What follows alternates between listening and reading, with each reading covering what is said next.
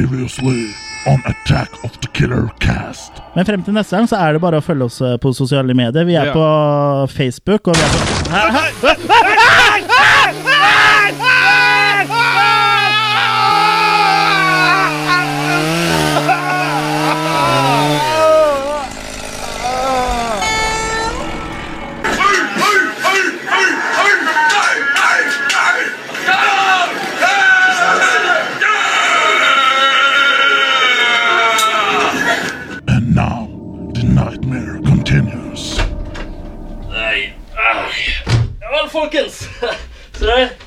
ble litt forsinka. Bussjåføren kunne fanke veien, så vi endte opp i Sverige. Men fortvil ikke. Jeg fikk kjøpt meg litt en kasse med jokk til Jørgen. Og så har vi litt eh, First Price brus med halloweensmak fra sponsorene. Jørgen? Chris? Faen, er de daue? Ja, det var jo kjipt, da. Men faen, jeg kan jo bare ta vekke de til liv med strøm. Det funker jo alltid med Jason. Faen, har de noe Det er jo nok av ledninger her. Ok, here we go. Al- Alex? Så der, ja. Faen, Hva, det, hva faen er det som skjedde? Eh, Det siste jeg husker, var eh, at det kom inn en kar med motorsag her. Ja, ok, ja, nei, kom, kom Altså, det er Jørgen, han Skal vi er kjøre podcast? Ligger dere her daue, liksom? Eh, Ja, det, beklager det, altså. Det var nei, ikke null- meningen. Men det er det kom bare en kar liksom. inn, eh, sparka ned døra her og saga oss i hjel. Ja, Men uh, strøm funker på deg, i hvert fall. Ja, Jørgen, da. Han eh, ser ille tilrettet ut. Uh, Ta, ta Prøv å helle litt uh, jokk i kjeften på han. Jokk, ja. Her er det jokk. Er mer enn nok jokk. Masse jokk. Mer? Ja, Litt mer. Ja, det der, ja. Der kommer Jørgen.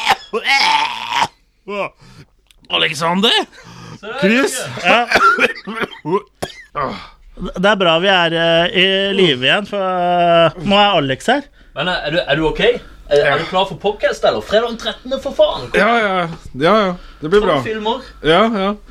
Tusen takk. Ja, eh, ta, Takk for at du vekka oss, eh, Alex. Da bare, da bare begynner vi, da. Gønne på. gønne på Gønn på. Skal vi se, Jeg får mikk og greier her, liksom. Ja, ja. Sånn. Yes. sånn. Ok, intro. Programmet er sponset av First Price brus med halloweensmak. First Price tobakk med halloweensmak.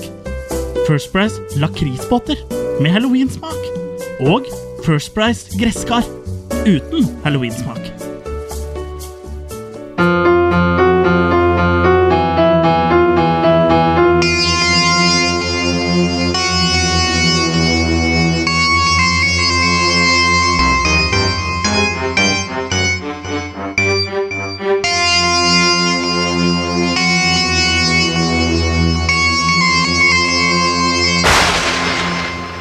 Ja, jeg kan jo ikke si noe annet enn at det er godt å være tilbake igjen blant de levende. Eller, eller hva sier du, Jørgen?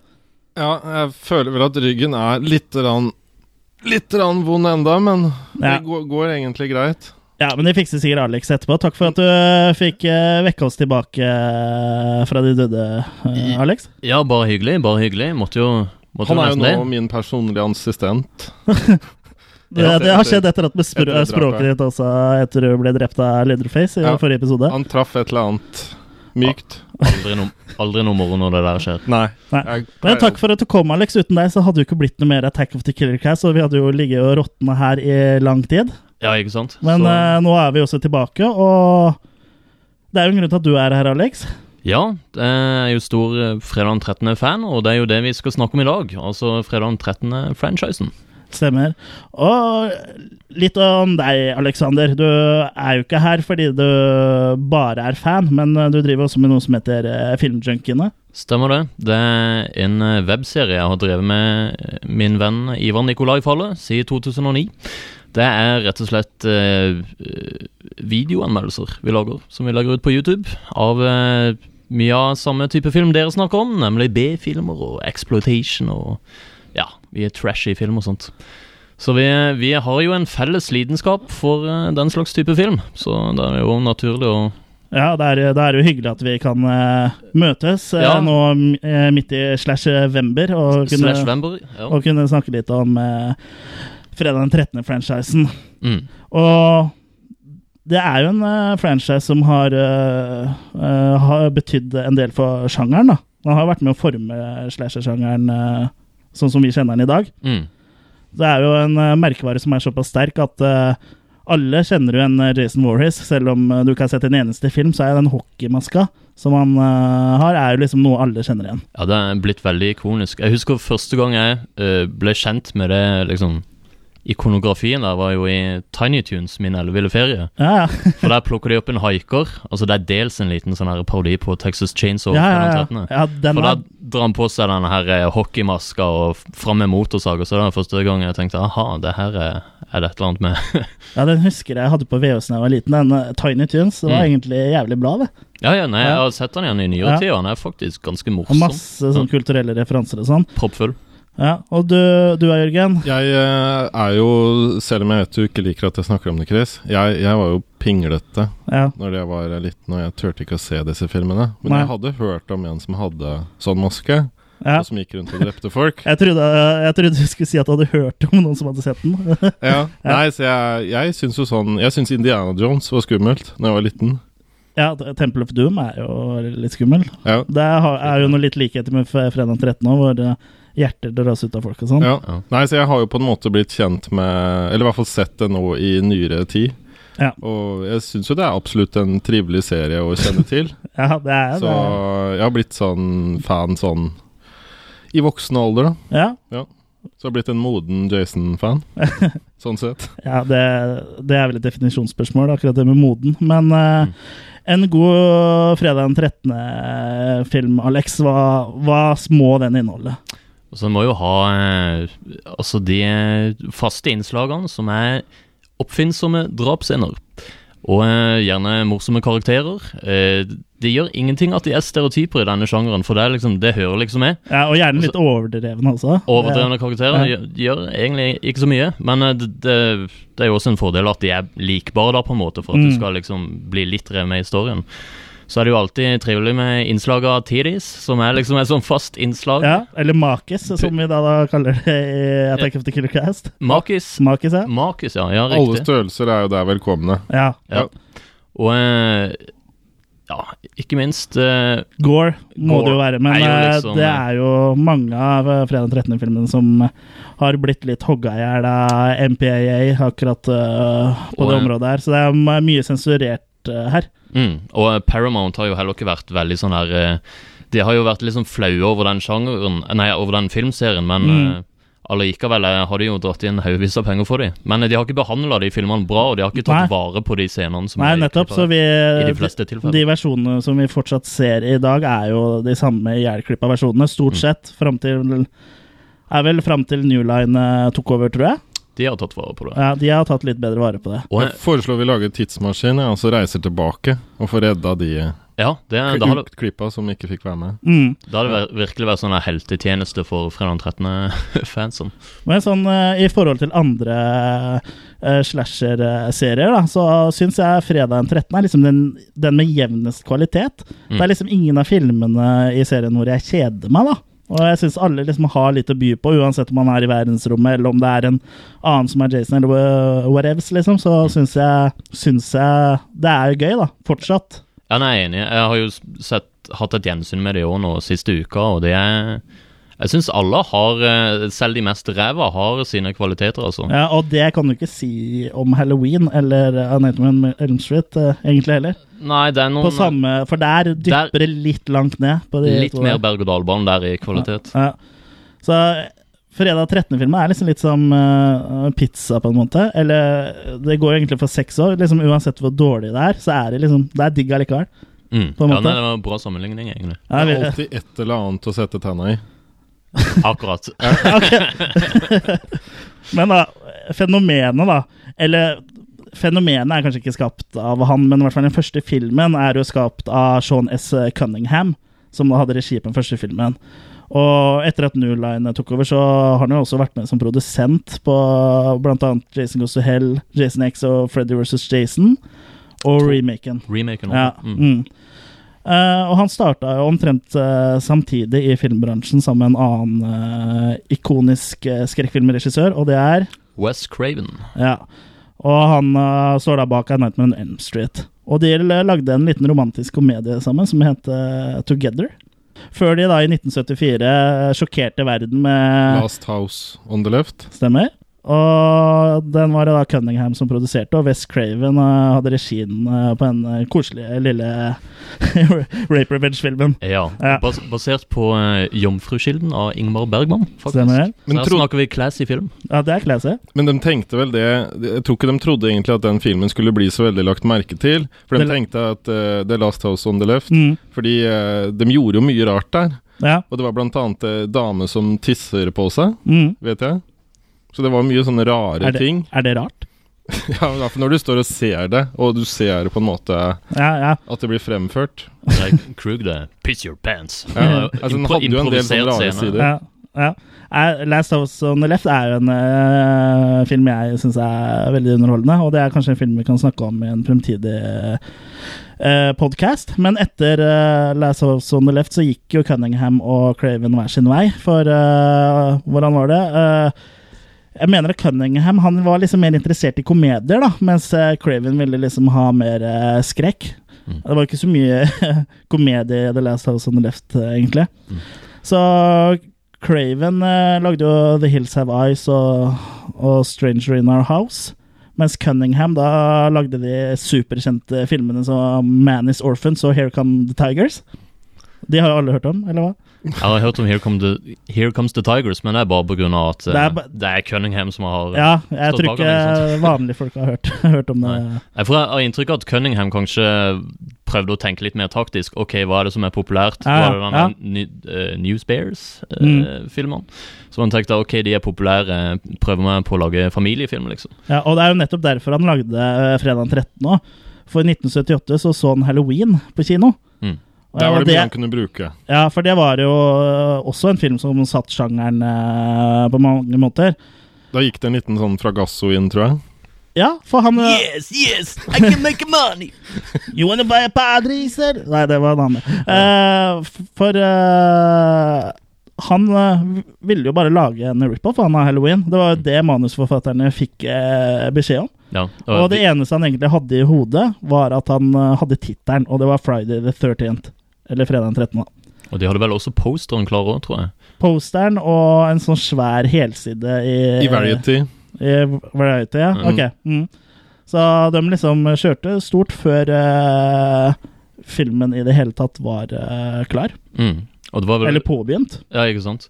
Og uh, Victor Miller, altså manusforfatteren, fikk vel bare beskjed om å rippe off halloween. Altså finn den strukturen og bruk den Ja, ja. til å lage noe eget, liksom. Ja. Men eh, du merker jo også tydelig når du ser første fredag 13. at de bruker samme formel, men allikevel så syns jeg de gjorde det til noe eget. Det, ja, liksom, det blir jo litt mer som en sånn uh, Ta steget over Hvem, har, hvem er morderen, liksom? For Mm. eh, det er jo aldri noen tvil om hvem det er i Halloween. Mens ikke her liksom lurer du litt på hvem er det som driver dreper de. mm. Men uh, la oss da ta, ta for oss uh, fredag den 13. Del 1. Eller heter det jo bare Friday the 13th. Yes. Del 1. Del 1. Friday, the 13th. You may only see it once, but that will be enough.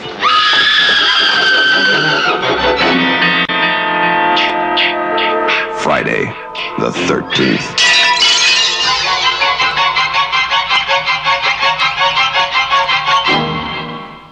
Ja, Alex, hvis du skal oppsummere handlinga i fredag den 13. Ja, nei, altså det starter jo på 50-tallet, 1956 tror jeg. Mm. Eh, gå på eh, denne her eh, leirskolen da, Camp Crystal Lake. Mm. Hvor eh, det er to tenåringer som har sex. Eh, noe som eh, Og blir drept, da. Altså Det er jo eh, klassisk for denne slasher-sjangeren at du skal alltid ha sånn her eh, Du kan ikke ha sex, du kan ikke drikke, og ikke røyke Eller drive med dop, da. Nei. Og ikke si 'I'll be right back' hvis du følger Scream sine regler. Ja, det kan du heller ikke si. Og eh, ja, nei, det er to tenåringer da som har sex, og hva skjer? Det kommer inn en person og knivstikker de i hjel. Og ja 30 år seinere, eller 20 år seinere, så eh, er jo denne her eh, leirskolen blitt lagt ned for lenge siden pga. Mm. disse drapene. Og eh, det er noen da eh, som ønsker å gjenstarte denne her leirskolen. Med Steve Christie og en gjeng ungdommer da i spissen da som skal få, opp, få han opp og gå igjen. Eh, til stor motstand fra de lokale folkene, Mm. blant annet Crazy Ralph. Crazy Ralph Han er liker ikke det her. Ja.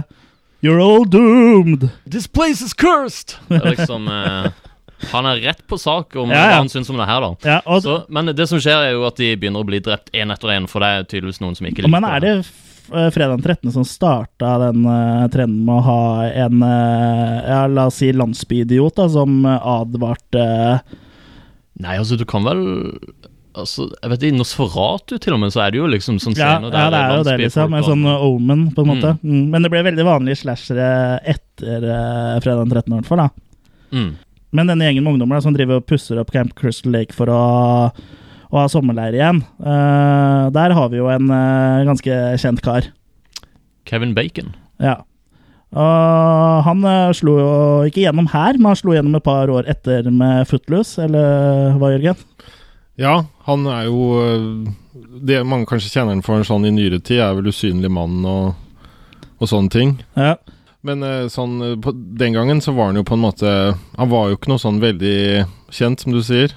Han blir også drept på en av de mest interessante måtene i filmen her. Et eh, drap som blir eh, kopiert flere ganger i løpet av franchisen. Mm. Det blir nærmest sånn standard for hver film at de skal ha en lignende scene. Ja, for han, han ligger jo og kuler den eh, litt etter, etter å ha hatt sex. Ja, Og han patter vel på en joint òg, om jeg ikke tar Ja, feil. Så her Ja, går det altså dobbelt her, opp her er det du, dobbelt opp. ja, hva du ikke skal gjøre, liksom. Så her er det ikke sånn at minus og minus blir pluss. Så begynner det å dryppe på han. Mm. Så Ja. han rekker å se opp før han øh, Og det er veldig bra iscenesatt, for da blir du som sier ok, det er noe oppefra som skal komme ned mot og ta den, men i stedet så kommer det en hopp Nei, en hånd opp fra senga.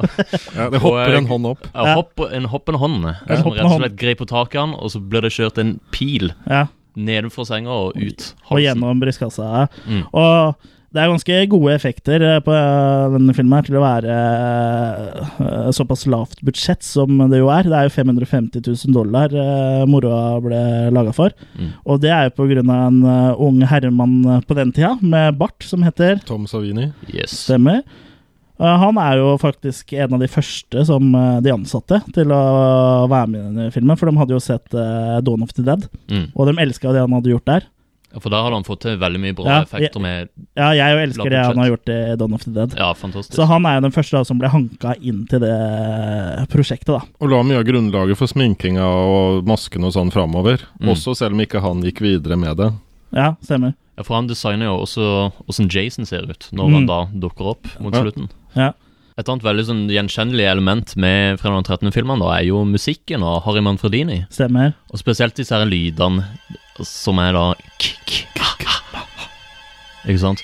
Og jeg syns det var veldig merkelig første gang jeg så det i filmene, for jeg skjønte ikke helt hva de lydene var. Det hørtes bare ut som cha-cha-cha, liksom. Ja. Men eh, egentlig så er det Harry Manfredini da som sier Ki og Ma, som i Kill Her Mommy, Ja, ikke sant? som Jason da sier i hodet til til Betsy Palmer. Pamela Mm. Voorhees. Ja, for det er jo uh, mo moren til Jason Warry som er morderen i fredag den 13. Ja. Og det Altså, jeg visste jo dette lenge før jeg så disse filmene, for jeg hadde jo sett Scream. Og da er jo det første spørsmålet Drew Barrymore får, da. Ja, hvem er morderen i fredag den 13.? Så sier hun Jason, men nei da, det er Pamela. Ikke sant? Så eh, Men det er litt interessant, da, for Betsy Palmer, hun eh, er litt sånn eksempel på anticasting. Eh, Ja, for at hun, veldig. hun var jo kjent sånn eh, koselig TV-stjerne i USA. Mm. Altså, folk i USA forbandt henne overhodet ikke med den slags type roller, så det var jo veldig mange som ble provosert av at hun hadde takka ja til en sånn type rolle. Ja, det var jo øh, mange som ble provosert, og fikk jo hat med Jeg holdt på å si mail, men Mm. som i ikke e-post, men som øh, fysisk post, da, selvfølgelig. Snail Hun var vel så, så å si halvinteressert òg i å være med. Hun var ikke så veldig interessert, men hun tenkte Trengte sånn ny bil, eller et Ja, hun trengte Stemmer ny bil, Ja. og så tenkte hun er det ingen som kommer til å se den øh, dritten her likevel, så jeg gjør det for, for pengas del. Ja, Det er litt sånn som uh, grunnen til at du er med i den podkasten her, Jørgen. ja, riktig. Derfor får den bilen, jo. Ja. Ja, ja, for, uh, ja. Men den blir jo en del episoder, da. For- Vi har vært og sett på bil nede på Toys R Us. Ja. Han har øh, sett seg til en sånn match... Matchbox, ja. Ja. mm. Men Én dag, Jørgen. Én dag. En dag. Ja. En dag. Fredag den 13. fortsetter jo på mange måter så trend som da halloween starta, med sterke kvinnelige hovedroller. Eh, og det gjelder jo også oppfølgerne til både halloween, men også spesielt fredag den 13., og egentlig slasherfilmer generelt også. Men det er liksom I disse filmene så er det jo liksom alltid det svake kjønnet som liksom eh, ender opp med å kicke ass, ikke sant? Som uh, tar opp kampen mot det svære beistet av en uh, deformert uh, morder, som da er Jason. I første så er det jo en liten dame oppe i, i 50-åra, eller 40-åra. Igjen eh, en grunn til at vi da har kvinnelig eh, statsminister. Ja, det her er også her- den Erna-effekten. Ja. Eh, Fredag 13. bana jo vei for uh, Erna. Så Ja, hun så jo det her da hun var ung. Og Hun er bare å takke fredag den 13.-filmene, altså. Ja. Ja, og det her så jo også Bondevik kom til å skje i 1980, når han gikk ut og advarte folk mot å se Motorsagmassakren fordi det var noe sadistiske greier. ja. Han så jo at det her kommer til å føre til at vi får en eh, kvinnelig statsminister ja, i stedet for de. ja. Så ja. Ja. Men det greide han ikke. Det er derfor Nei de satser så lite på remaken nå, da. For liksom de vil prøve å få det til å roe seg igjen. Ja. Ja, ja. skjønner. Det er, en, eh, det er en liten konspirasjon her, ja. Som Ja. er god, eh, god grunn. Nå Ja. fikk du noe å tenke på, Alex. Hæ? Eh, men eh, det mest, den mest ikoniske scenen i hele filmen er vel eh, på mange måter uh, sluttscena. Halshogginga. Ja. Eh, hovedpersonen Alice får jo eh, gjort slutt på Betzy Palmer, eller uh, Pamela Warris, da, ved å hogge av henne hodet med sin egen machete. Og så ror hun ut i innsjøen, Crystal Lake. Mm. Og her har du igjen veldig bra eh, eksempel på musikken til Harry Manfredini, da, hvor, effekt, hvor effektiv den er, da. Mm. Eh, for hun ligger jo i denne kanoen, og Mm. eh, det er dagslys dagen etterpå hun har drept eh, Pamela Warhis. Mm. Og musikken er flott og fin, og det virker som om rulleteksten skal komme hvert eneste øyeblikk. Mm. For nå er det veldig sånn Altså, det var jo til og med folk i kinosalen som begynte å pakke sammen eh, klærne sine og alt sånn, og gjorde seg klar til å gå når filmen hadde premiere. Mm. Men så bam! Skrus musikken helt om, og eh, Jason popper opp.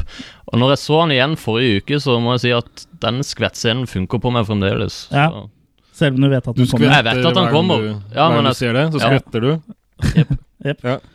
Ja, men det er en veldig effektiv eh, scene der, og ja, det er jo et siste, et siste skvett, som Ja. man uh, sier, som uh, Ja. også er jo en gjenganger i nesten alle horrorfilmer, egentlig. Jeg må bare ha med at Pamela ble ikke skada, for det var jo Tom Savini som sto og holdt opp henda idet hodet ble kappa. Stemmer det. Ja, Så- Men han ble heller ikke skada, for Nei. det var ikke et ekte hode. Nei. Nei.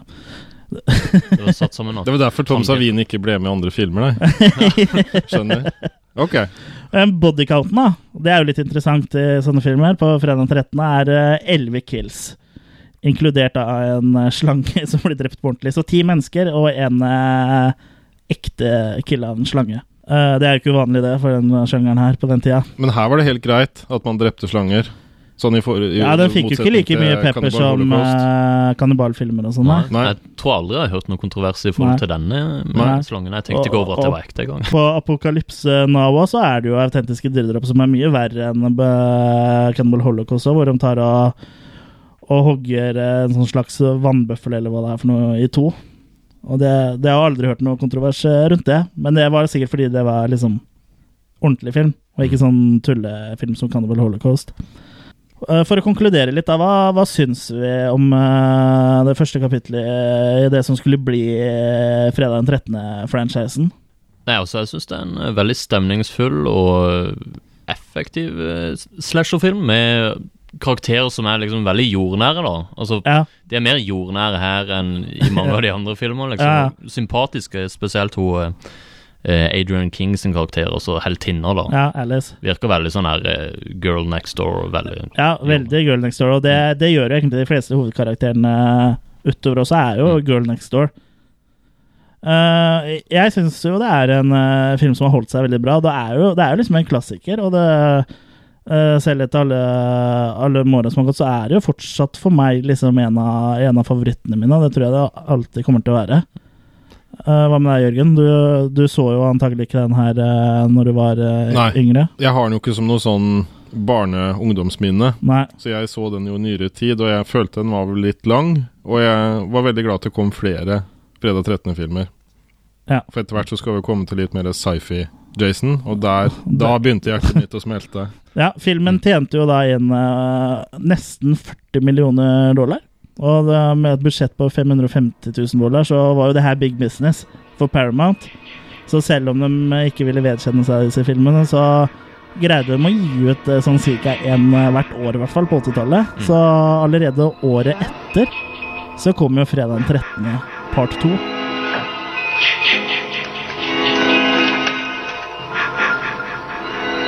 On a June night in 1980, Friday the 13th, 12 of her friends were murdered. Why should Friday the 13th, 1981 be any different? Friday the 13th, Part 2.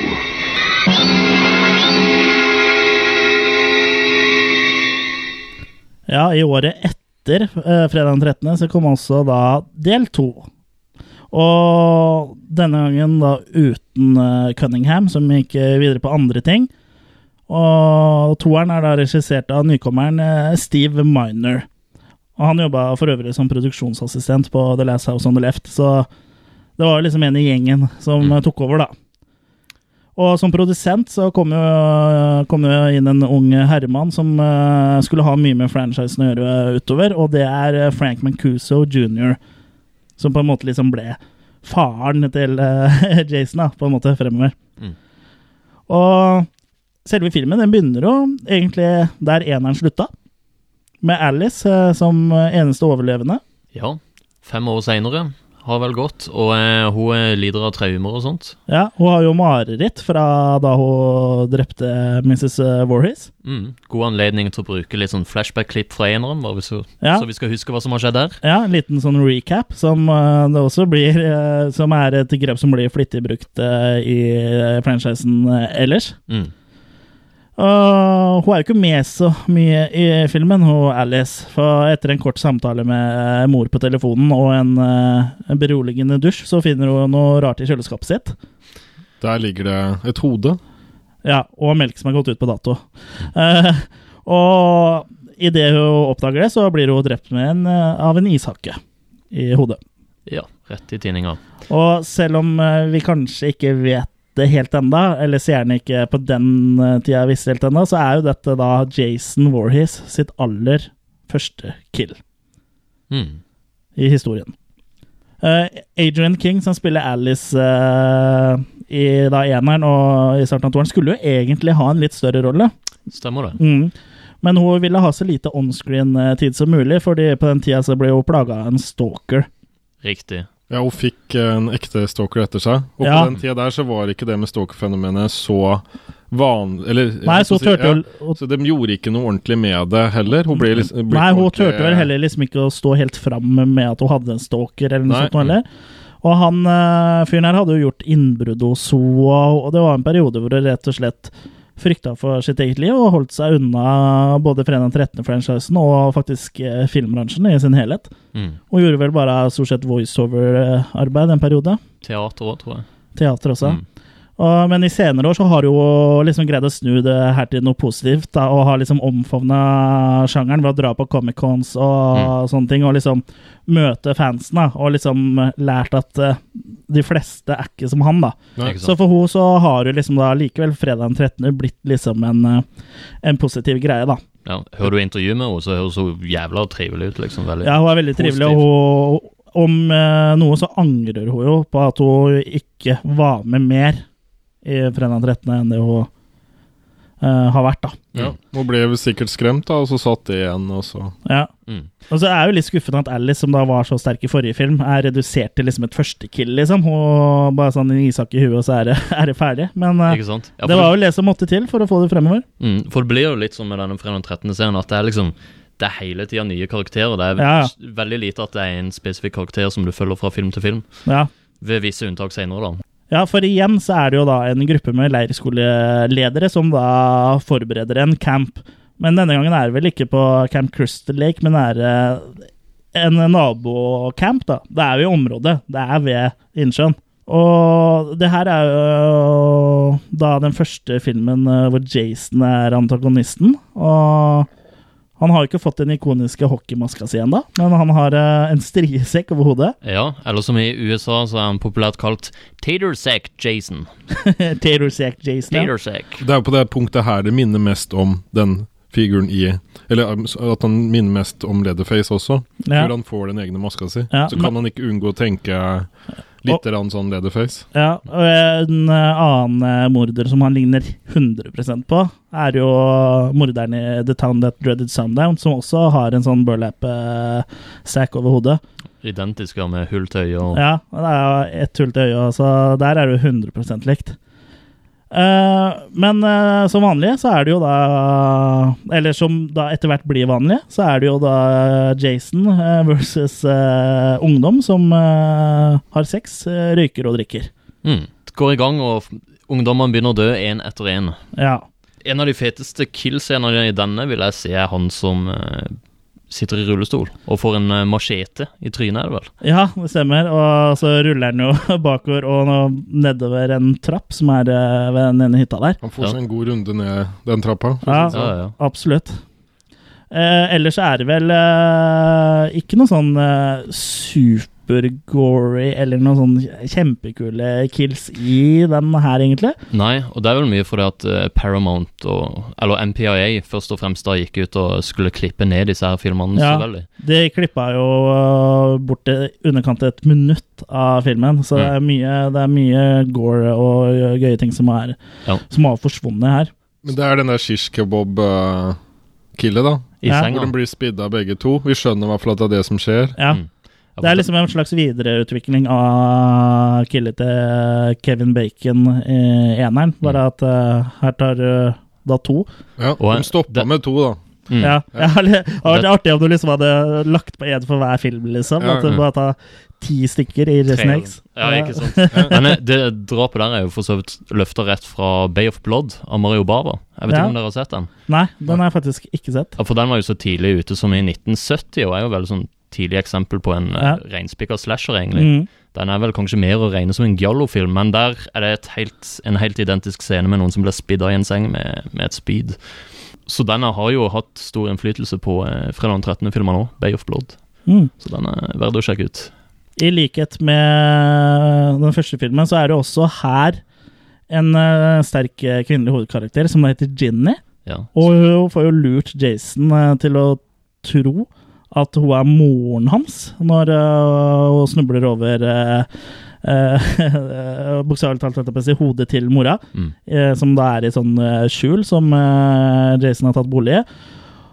Ja, fordi hun ligner litt, og så tar hun på seg smykket til mora. Sånn. Så han får, hun får jo Jason da, til å bli litt forvirra et øyeblikk, sånn, så hun får gjort uh, ja, tilsynelatende slutt på den med å kjøre en machete gjennom skuldra hans. da.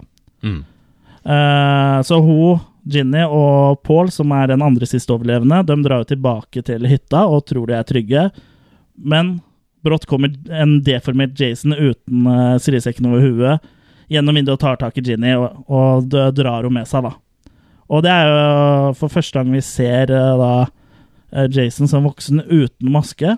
Og jeg må jo si at eh, selv om Tom Savini eh, er vel ikke med i denne filmen, Han, han gjør ikke effekter her, nei. men uh, jeg syns fortsatt at øh, makeup-effektene på Jason ser ganske bra ut, altså. Ja, nei, han ser ganske eh, fucked up ut, for å si det sånn. Mm. Og så har han liksom eh, slitt uh, Litt hår og- ja. og, som henger her og der. Ja. Uh, og så klipper det bare brått til at Ginny våkner opp, da, og Jason er liksom nowhere to be seen. Så jeg liksom Jeg savner jo litt å få vite hva, hva har skjedd. Var det en drøm, eller liksom hva, Ja. og, Også hvor, og hvor er Paul? Ja, ikke sant. Paul eh, forsvinner bare ut av historien uten, eh, uten Ja, og jeg har ikke greid å liksom finne noen forklaring på liksom hva som egentlig har skjedd, Nei. eller hvor Paul er. Så det er, det er liksom bare Det er litt sånn pussig. I hvert fall det å komme inn gjennom vinduet, det er jo noe Jason får smaken på. Ja, det det her smaken for. vekker jo en uh, veldig lyst i han, da. Ja, det er ikke, det er ikke siste gangen Jason uh, hopper gjennom et vindu, for å si det sånn. Nei. Nei, det ble hans favorittaktivitet, det. Ja, ja. Men jeg kan si det, jeg har jo litt sånn nostalgisk forhold til fredag 13.02. ja. For uh, jeg så vel den på veldig passende sted, på hytta i Kristiansand, ute Oi. i skauen. Oi. eh, på TV Norge i 1999. Og da, da var det sånn, det var litt vanskelig å få inn TV-signal til TV Norge, men da hadde jeg stått ute og arbeida og fått antennen på riktig sted, sånn at jeg fikk sett da fredag den 13. to ved midnatt, var det vel. Ah, Og det, det var veldig, veldig Ja, det- bra første det- møte med den filmen. det er, er liksom å bidra til den stemninga, da. Ja. Eh, Men altså, når det er sagt, så syns jeg ikke at 'Fredag den 13. del 2' er en eh, dårlig film. Det er jo fortsatt en av de bedre. Ja, nei, det Den har jo bra driv og kanskje litt anonyme kills, men nå vet jo ikke vi hva MPA har uh, fjerna. Nei, ikke sant. Men eh, ja, jeg syns det er eh, absolutt en eh, severdig film, altså. Ja, for det der, eh, du fins jo bilder av dette her Skiskebab-sengedrap eh, i eh, Her har du vel. Så du kan se. Nå kan jo ikke ikke lytterne se, se det her, men eh, her får Ja. du se, i hvert fall. Ja. Så eh, Da, da Alex viste oss da bildet i en bok som heter Making Friday the 13th, The Legend of Camp Blood.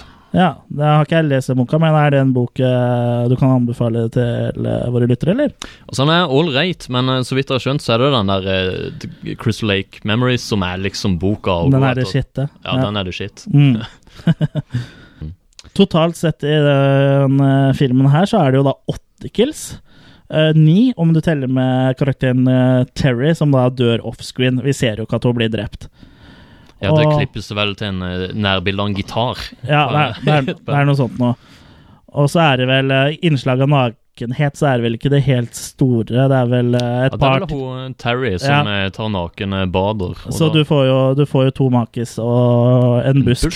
Hun er litt ubeslutten, eh, som hun da, hun som hun bader. Fordi Først så ville hun lete etter hunden sin. Nei, jeg tar et nakenbad. Ja, Jeg må tenke litt på det. men opp- har ikke du opplevd det sånn at vi, hvis du har hatt hund før, Jørgen, og du leter etter den hunden, og så bare Nei, nakenbad. Det er, Ja. det er fort gjort. Ja, Hun ja, er litt distré, kanskje. Og, ja. Ja, nei, jeg noe som regel med nakenbad sjøl når jeg leter etter ting. Det er ganske distraherende. Ganske distraherende. ja, du, du, Uansett hvor du er. Uansett hvor jeg er. ja, faktisk, Da må jeg bare begynne å lete etter en innsjø det her, eller sjø. Eller. det her ser jo selvfølgelig ikke lytterne, men Alex sitter jo faktisk i en balje nå og nakenbader. Ja. Ja. Jeg leter etter den der fredag den 13. boka, men jeg fant den da. Men nå eh, satt jeg så godt i den ballen. Ja. Så jeg, jeg håper det ikke plager dere. Det er såkalt, Nei, nei, nei. Det er såkalt en sånn stillestamp, Ja. for du hører den ikke. Nei, det er viktig å ha stillestamp når man eh, driver med lyd. Ja. Det plager ikke oss. Det plager Lydisolere og skvulping og sånn. Ja. ja. Det er sånn antiburger. Men uh, Jørgen, hva synes du, da, som har et relativt uh, ferskt forhold til disse filmene i forhold til meg og Alex, hva syns du om uh, eh, del to?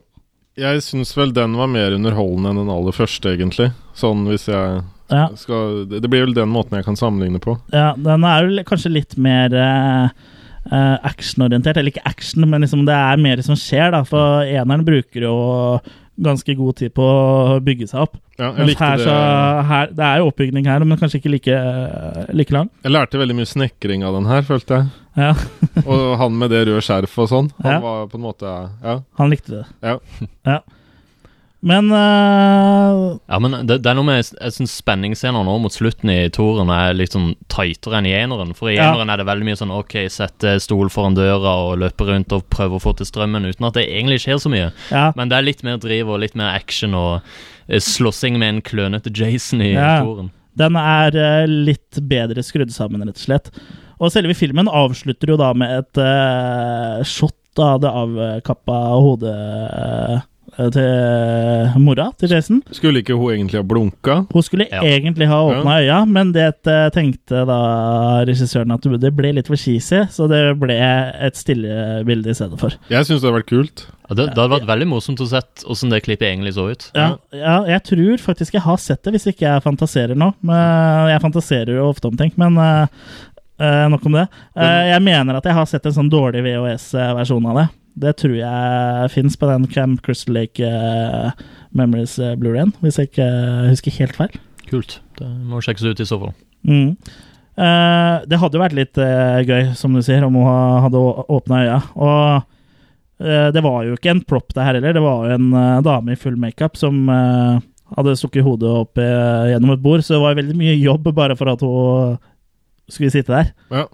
Men det var absolutt effektfullt. Mm, absolutt.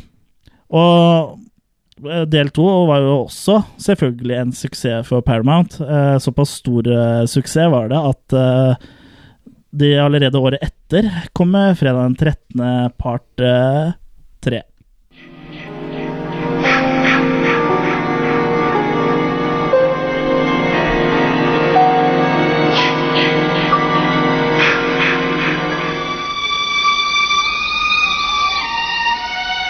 Weekends are a good time to escape to the woods.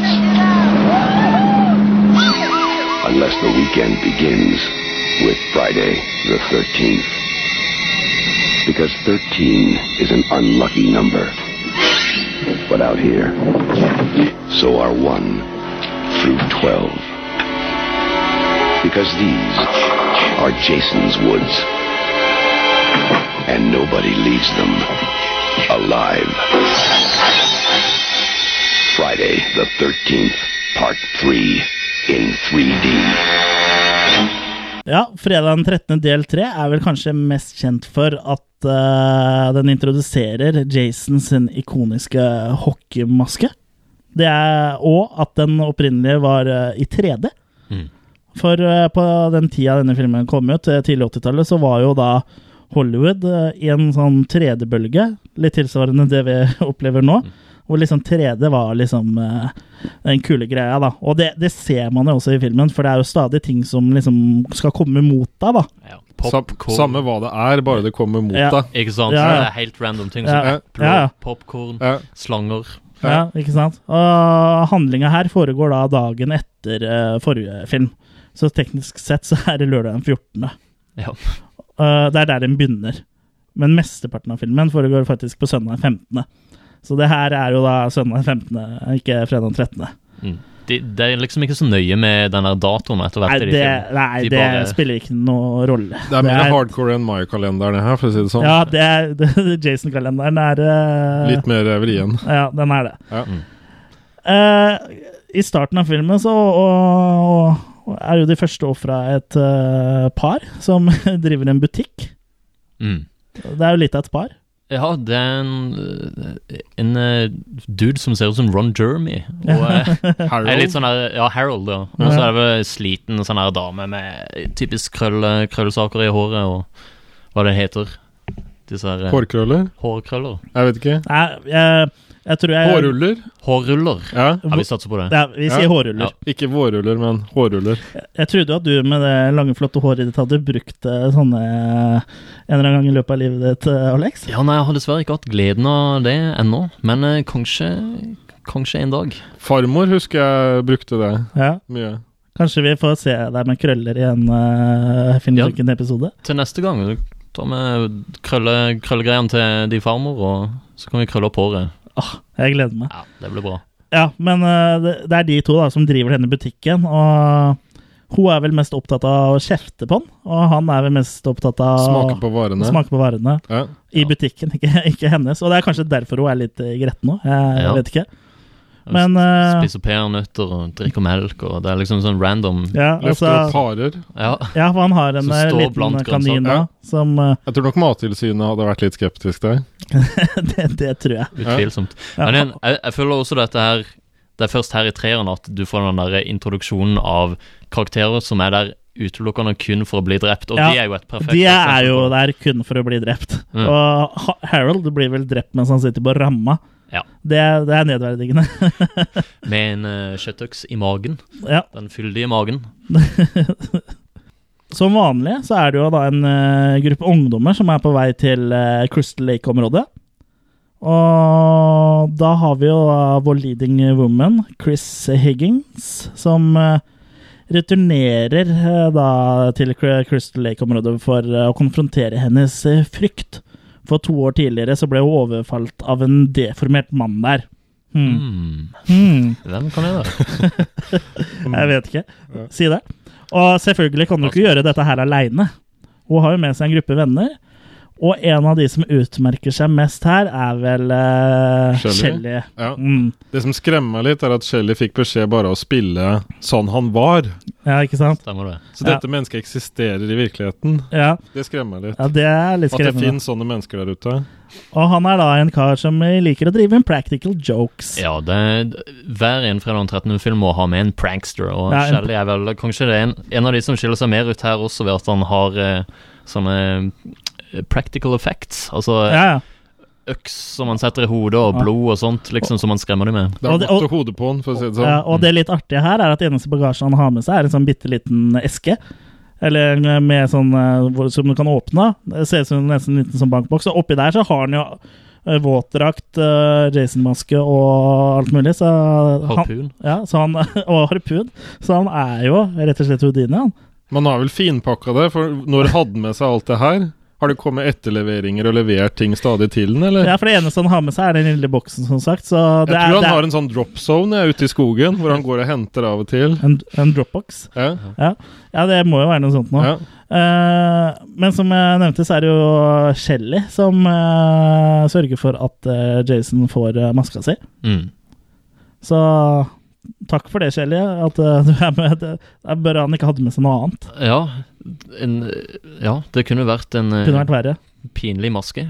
Og eh, skrekkverden ville sett annerledes ut. En sånn, eh, Batman-maske. Batman-maske. Eller en sånn enkel sånn maskerade. Svart B-gjeng. ja, sånn du holder opp bare òg. Sånn der, du holder opp, og så går det sånn to over. Ja. Hadde ikke vært like kult. Nei. Nei, men det hadde vært kult. Monokkel, Ja, litt- eh, litt monokkel ble jo forkasta. Ja. Men eh, også en scene som jeg finner eh, ganske humoristisk. Jeg føler at eh, i den treeren her så er det jo mer humor også enn det har vært hittil i de to foregående. Og mye av det er kanskje litt utilsikta, som ting som var kult da, er ikke nødvendigvis like kult nå.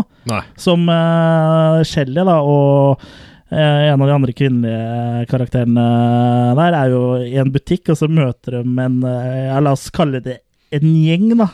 Bikergjeng. Det her er jo som Sons of Anarchy. Ja, det er det. Ja, De er jo så tøffe. ja, de er kjempetøffe. Ja. Uh, og de eh, ypper seg jo litt mot dem, og, sånn, og det ender jo med at uh, Shelly i vill flukt rygger uh, på motorsyklene hennes, og de velter. Og det her må gjengen eh, ta hevn for. Da. Så de, Da skal de brenne ned låven. Ja, de eh, tømmer jo bilen for bensin, og så skal de til å eh, brenne låven, men eh, det stopper jo HMS-ansvarlig Jason Warris fra å gjøre. Ja. Så det blir ikke noe nedbrent låve. Det, det vil ikke Jason ha. ha noe av. Og det er vel ikke så overraskende at uh, det filmen handler om, er at Jason uh, slakter ned kids.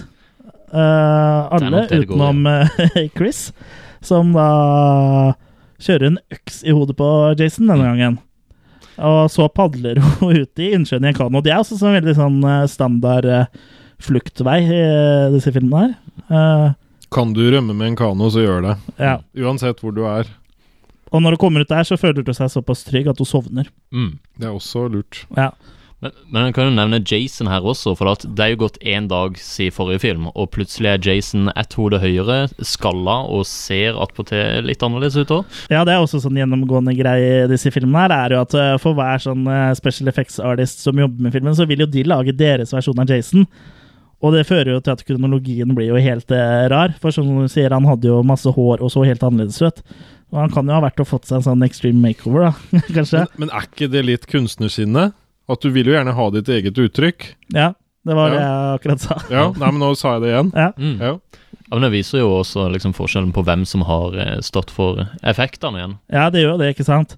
Og det er jo også noen kule kills her også. Det, en av de kuleste syns jeg er eh, karakteren Andy, som blir splitta i to av Jason mens han går på hendene i Mm. gangen. Mm. jeg tror han gjør det etter han har hatt sex.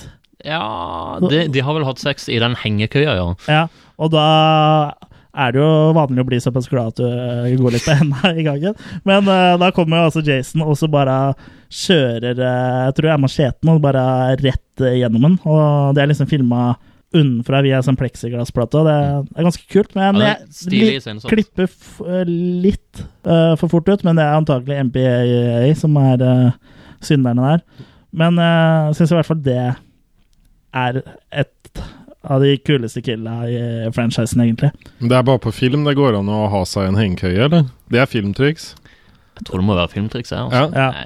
Nei, altfor uh, Nei, det, hadde den scenen jeg blitt uh, laga nå, så hadde hengekøya vært CGI. Det, for jeg tror ikke hengekøyer eksisterer lenger. Nei. Det er sånn 80-tallsting. det. ja, det er sånn, ja, det er det. Og så en annen sånn uh, kill som også sikkert var ganske artig når du så det i 3D, i hvert fall, var at uh, uh, det er jo en karakter, han heter Rick, som får klemt ut øyet sitt, så det liksom bare fyker rett mot kamera. Det var uh, sikkert Jeg, jeg, jeg tror det er min favorittkill fra treeren. Veldig kreativ og morsomt. Og har dere sett den i 3D, forresten? Nei, Uh, jeg har den på den Blu-ray-boksen hvor alle fredag 13.-filmene og pluss Freddy vs. Jason er, så er den jo i 3D, men den er jo ikke sånn 3D som er nå. Det er sånn med røde og grønne briller. Ja. Men har Og- du sett noe annet med de rød-grønne brillene? Nei, det har jeg ikke. Jeg syns det er så slitsomt. Ja. Ja, og jeg syns det er så slitsomt å se uh, rødt og grønt. Jeg liker bedre 3D med farger, holdt jeg på Ja, å nei, si. jeg ser den. Mm. Jeg er rød-grønn farveblind. Ja, så det blir ikke 3D for deg, da? Eller, Jeg, jeg vet ikke. eller Jo da. alt blir 3D? Ja. Jeg ser 3D hele tiden. jeg. Eh, totalt eh, så er det jo da tolv kills uh, fredag den 13. del 3. Og mm, sånn makimessig så er det vel eh, to, tror jeg. Ja, det er vel hun der hengekøydama som Mm. viser makiene sine. Ja, det Bare for å er, være på sjargong her. ja, det er vakkert å høre deg si make. Uh, jeg syns det er noe du skal ha med deg hjemme i, uh, Filmjunkiene. ja, i filmjunkiepungen din. Ja, Maki Count. Maki count, ja Count. Men eh, hva, hva, syns vi om uh, fredag den 13. part 3? Så jeg bare liker å snakke litt sånn eh, norsk-engelsk. Jeg liker veldig godt det der med den MC-gjengen. Ja, at det- den kommer der. Men det tror jeg er litt fordi jeg er Troma-fan. Ja, At jeg liker dem der eh, Ja, for det De typene. ja det, man skulle tro at den gjengen uh, går på Newcombe High. Ja. Ja. ja. Og så tenker jeg litt toxic når jeg ser Jason uten maske også. Ja, han jeg er litt på bølgelengde Ja, han i den filmen her, føler jeg. Det er jeg er ganske sikker på, uten at jeg skal vedde penger på, at uh, Toxic Avenger er litt forma etter uh, Jason, altså. Ja. Jeg tror det. Jeg Han er ganske påfallende lik. ja. Han kommer liksom i 85, eh, Toxic Avenger, så det er jo Ja. Ja, de må jo ha sett fredag den 13. Ja, garantert har de jo det, og Men jeg kan, si det også at uh, Richard Brooker, som spiller Jason her, er kanskje Ja. en av de mer sånn creepy Jasonene. Spesielt eh, mot slutten, når han står og kikker i vinduet der, som liksom Som løfter rett ut av Nosferatu, liksom. eh, Ja.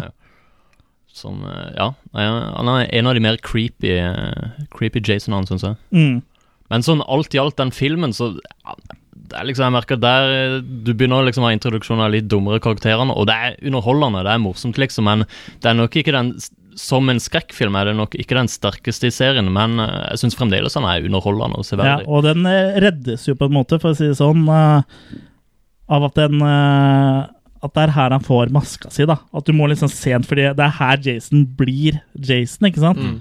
Så jeg føler at det at det er med å trekke den litt opp, da. Ja.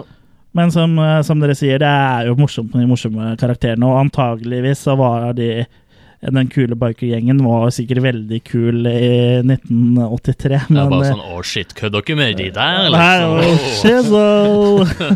Men uh, Men kan jo også nevne de der, Cheech- de der stoner-karakterene, Ja. som virker som er veldig sånn inspirert av Cheech and Chong-filmene som var litt i vinden på den tida. Ja. Det, er sånn, det er litt sånn usannsynlig sammensetning av vennegjeng, det her. Du har noen veldig sånn average kids, en nerd, og så to gamle stoner-hippere. ja, stemmer, ja, stemmer det. Ja. Nei, det er utro utrolig eh, fin eh, gjeng. Ja, det hadde vært morsomt å vært på party med de. og ikke minst dansa til den heftige disko-teamen som jeg blir introdusert i denne. For Har- Harry Manfredini pimpa jo opp den der eh, temalåta litt. Ja, stemmer det. I, for å være i tidsriktig ånd, da. Ja, ja jeg tror jeg har den her, men Ja. han introduserte litt mer, litt mer funk. Disco time. Så, så den begynner å Begynner å vanlige. Oh yeah. Det er umulig å ikke få lyst til å svinge seg til det her. Da ville han ha det morsomt òg. Når han skjønte at han skulle tulle litt i filmen. Mm. Den eh, drar jo, i hvert fall for egen del, eh, tankene litt over på Return of the Living Dead. Den er jo litt, eh, litt sånn eh, lignende, den, på en måte. Litt sånn eh, Ikke lik, liksom, men litt sånn i samme sjanger, da. Te temalåter, tenker du, Ja. eller selve filmen? Ja, er temalåta. Temalåter, ja. ja Mm. nei, det kan være noe, se noen likhetstrekk der. Eh, Filmene er Syns jeg ikke er så like. Nei. Men da er det vel egentlig ikke så mye mer å si om eh, eh, fredag den 13. del 3, så kan vi ikke bare hoppe elegant over til eh, Friday the 13th, the final chapter.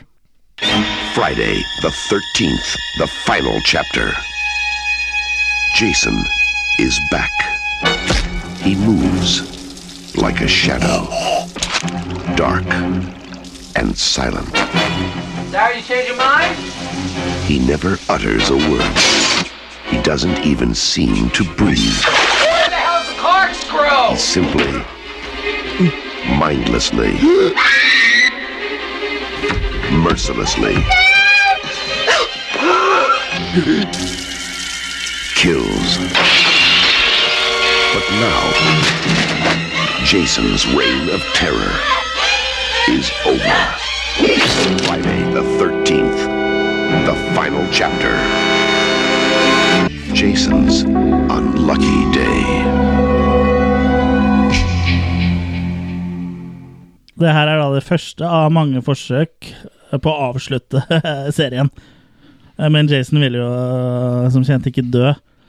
Eh, her var jo budsjettet på 2,8 millioner, og dro jo inn uh, over 33 millioner på box office, så det er ikke så rart at uh, Paramount ville melke uh, Jason enda litt mer, hvis det er lov å si. Jason-kua. Ja.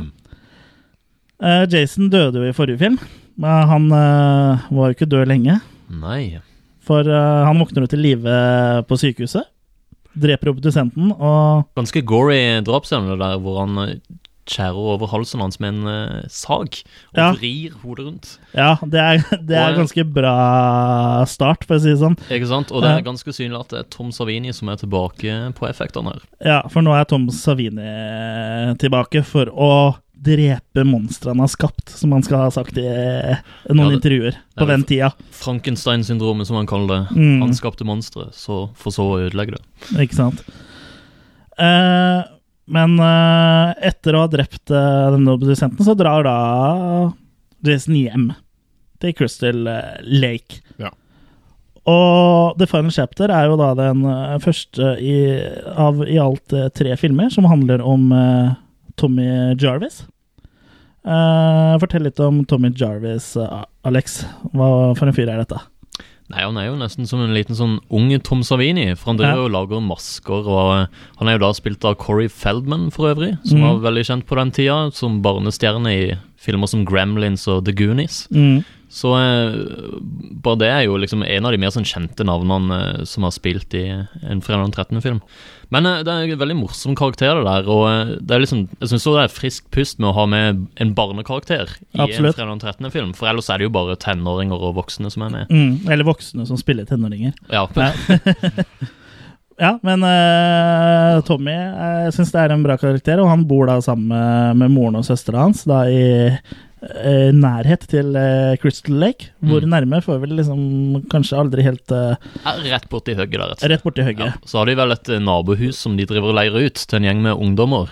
Ja. og her har vi da en ny eh, gjeng eh, med ungdommer som Jason kan slakte. Og her òg finner vi en ganske kjent skuespiller. Det er jo da selveste Crispin Glover, som mange nok kjenner fra bl.a. Back to the Future. Og han òg er litt av en karakter, Riktig skrue. Jeg, jeg kan ikke bokstavelig talt. Litt, Ja. litt, litt, litt mer om det etterpå. Han er vel flink til å danse også. Ja, Ja. han er, har jo noen utrolige dansemoves på, på en fest som de har på det huset der. Det er jo tydelig at han, han kan Jeg vet ikke om det er karakteren eller Crispin Glover som kanskje ikke var den kuleste i klassen. Nei, jeg tror nok det, det er der Crispin Glover sitt sanne seg eh, skinner mest fram da, i den karakteren. Ja, jeg han, tror det. han danser faktisk til ACDC. Ja. egentlig. Stemmer det. Eh, så er det blitt lagt over noe, en annen, annen låt i, Som de hadde rettighetene til. som de hadde rettighetene Ja. til.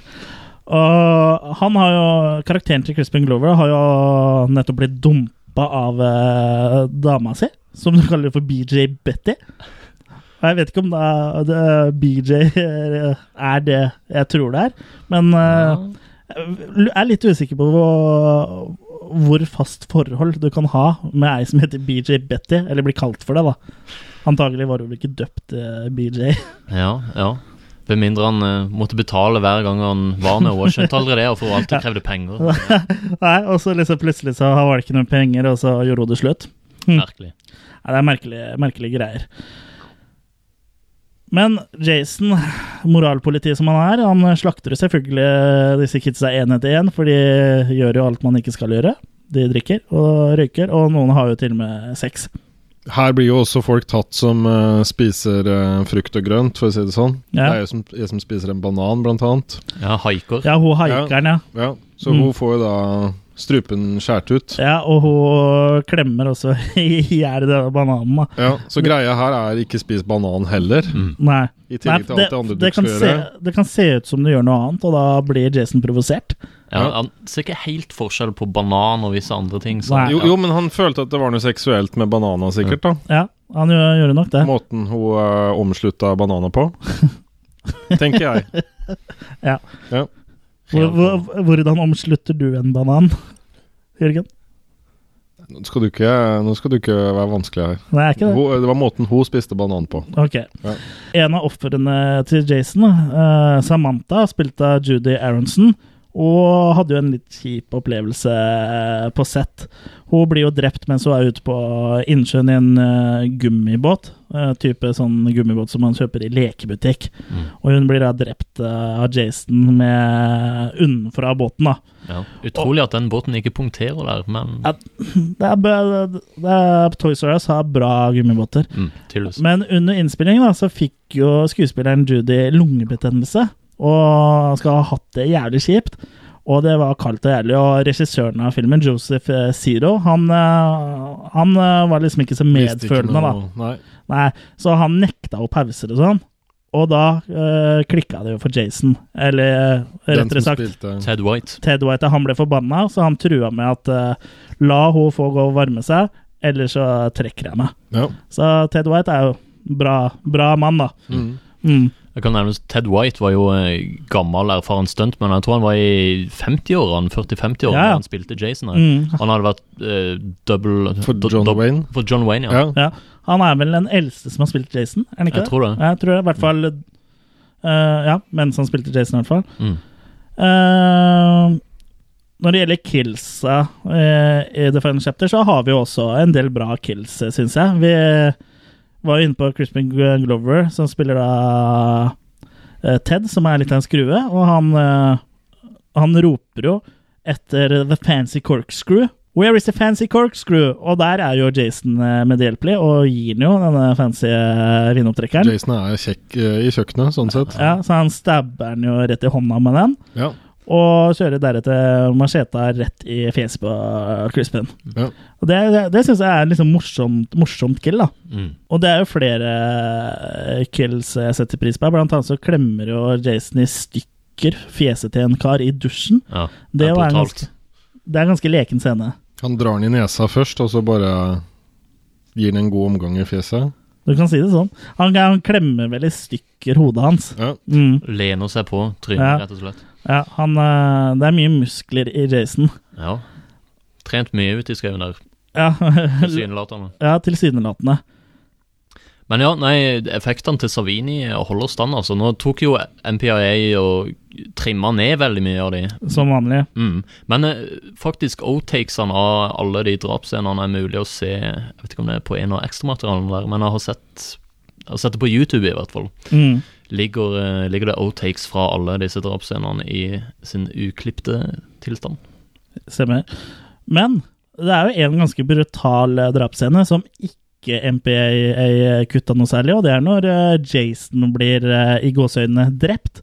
For uh, Tommy Jarvis er jo han som uh, ender opp med å ta knerten på Jason her, etter å ha barbert eh, hodet sitt og prøver å liksom å spille en ung Jason da, for å lage noe forvirring eller noe connection uh, der.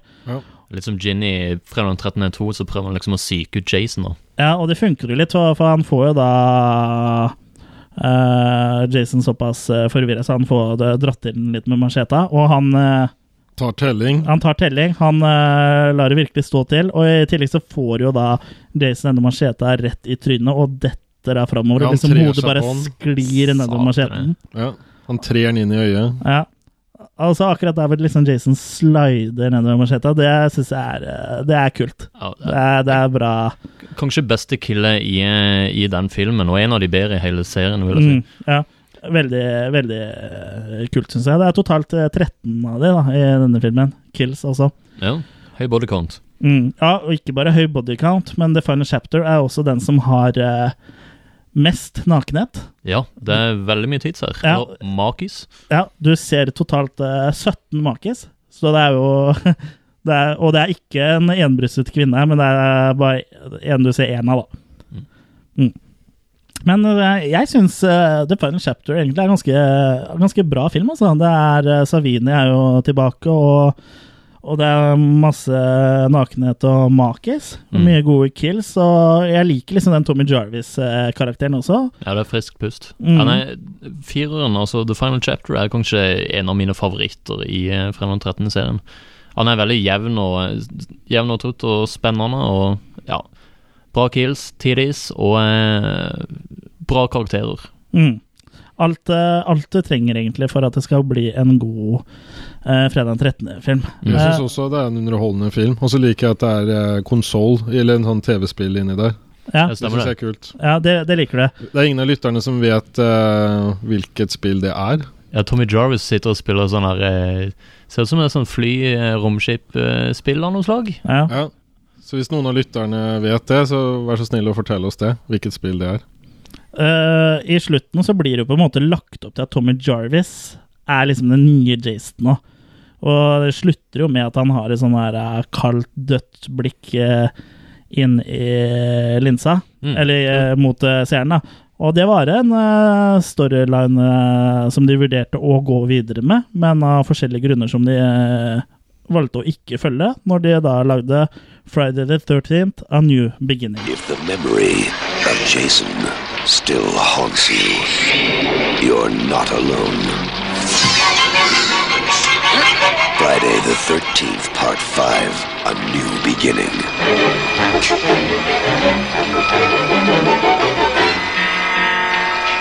Severe trauma at age 12. Brutal self-defense, murder of a psychopathic killer. Boy, they've given him every therapy they can think of. It's wonder his mind isn't fried with all the drugs they've given him.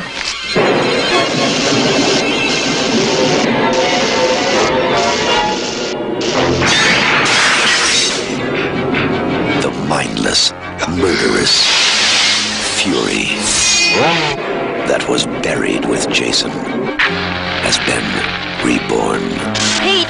And suddenly, terror has become child's play.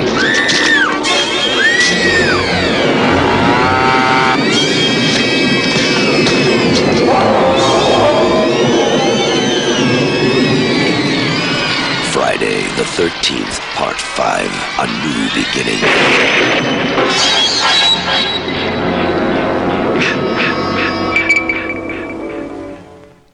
Ja, i denne oppfølgeren så følger vi igjen eh, Tommy Jarvis. Han er nå blitt litt eldre og bor på et pleiehjem for folk med mentale lidelser. Og Friday the 13th A New Beginning er jo den uh, filmen som fansen kanskje, i alle fall eh, da den kom ut, uh, hata mest, Alex. Ja, det er vel kanskje den mest utskjelte oppfølgeren i serien. Men det skal også sies at jeg merka veldig mange fans nå har eh, begynt å akseptere det mer, eller at det er veldig mange i USA i hvert fall. Så, Ja, De har begynt å trykke Den- litt mer til makene sine. Ja, ja, det, det, det er en liten nisje av folk som eh, rådigger denne. Men eh, ja, det er jo forståelig hvorfor denne ble utskjelt når den kom. Ja, for her er det jo ikke Jason som er eh, morderen. Og det er, egentlig ganske klart ganske tidlig at man skjønner at det ikke er Jason, selv om det da er en eh, kar i hockeymaske som går rundt. Mm. Og, så den er liksom bygd opp litt mer eh, på en måte som eh, originalfilmene. At det er en, eh, som de kaller det på amerikansk who done it-film. Ja, Mordmysteriet. Eh, et mordmysterium. Litt sånn eh, halvræva Agathe Christie, liksom. Hvor du da på en måte skal gjette deg til morderen. Ja.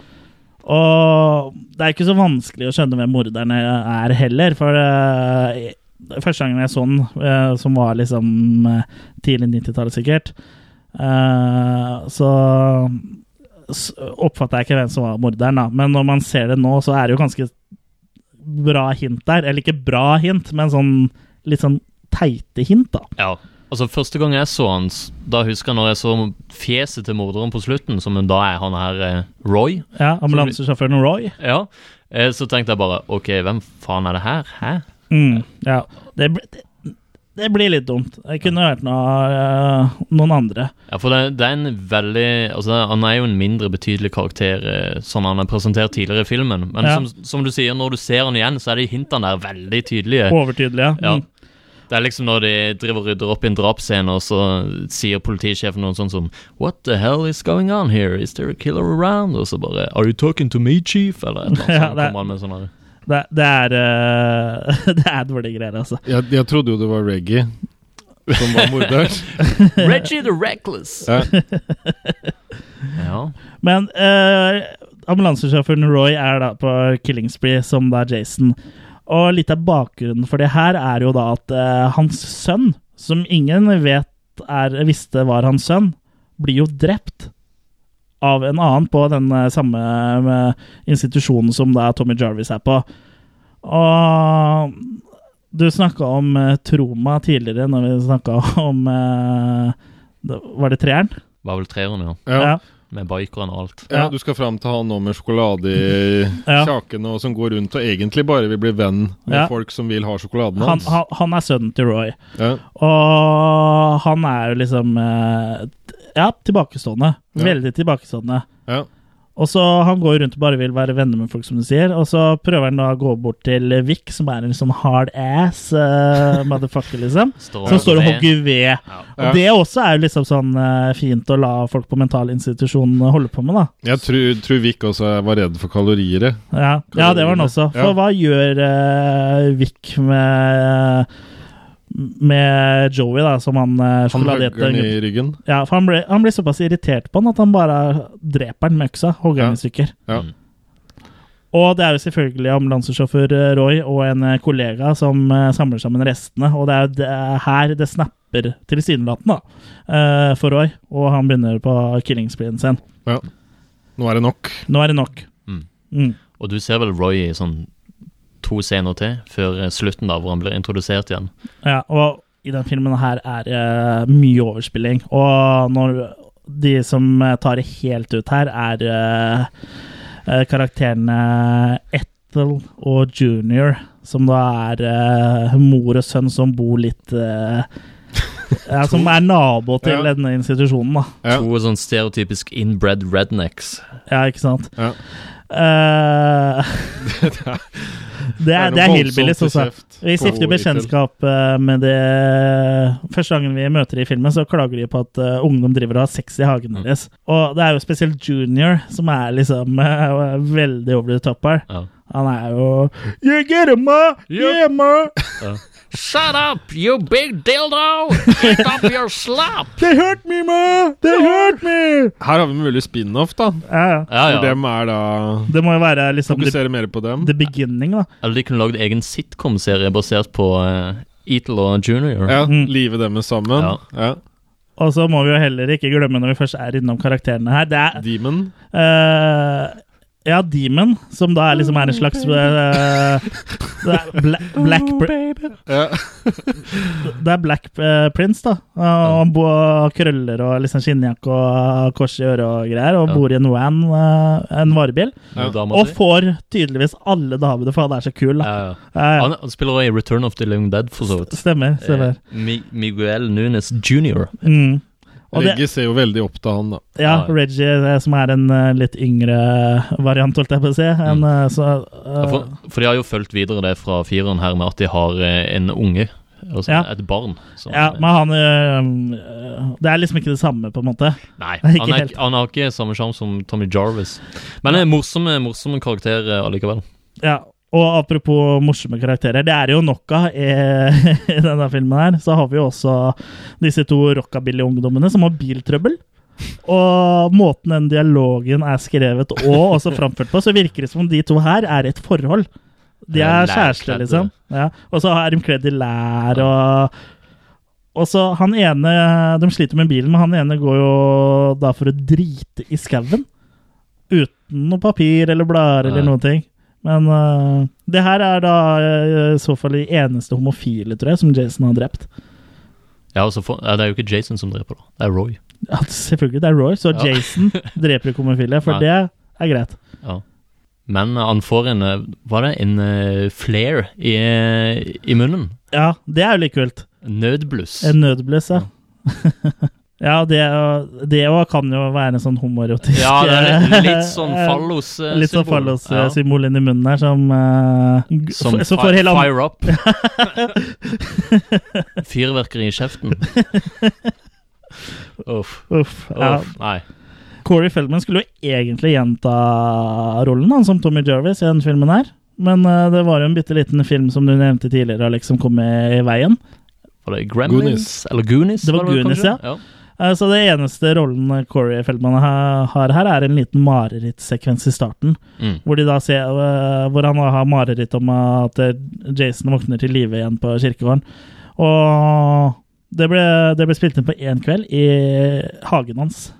Det ene, eh, altså reaksjonsbildene han, da. Det andre ble filma uten Corey Feldman, og det er vel en, en litt eh, lita dame som liksom er stand-in for når du ser han går gjennom skogen og sånn. Ja, riktig. Jeg vet ikke om to- Corey Feldman hadde redda den eh, filmen her, sånn sett. Altså, Misforstå meg rett, den er jo artig, men underholdninga her ligger jo i eh, skuespillet. Ja, og litt sånn ufrivillig humor.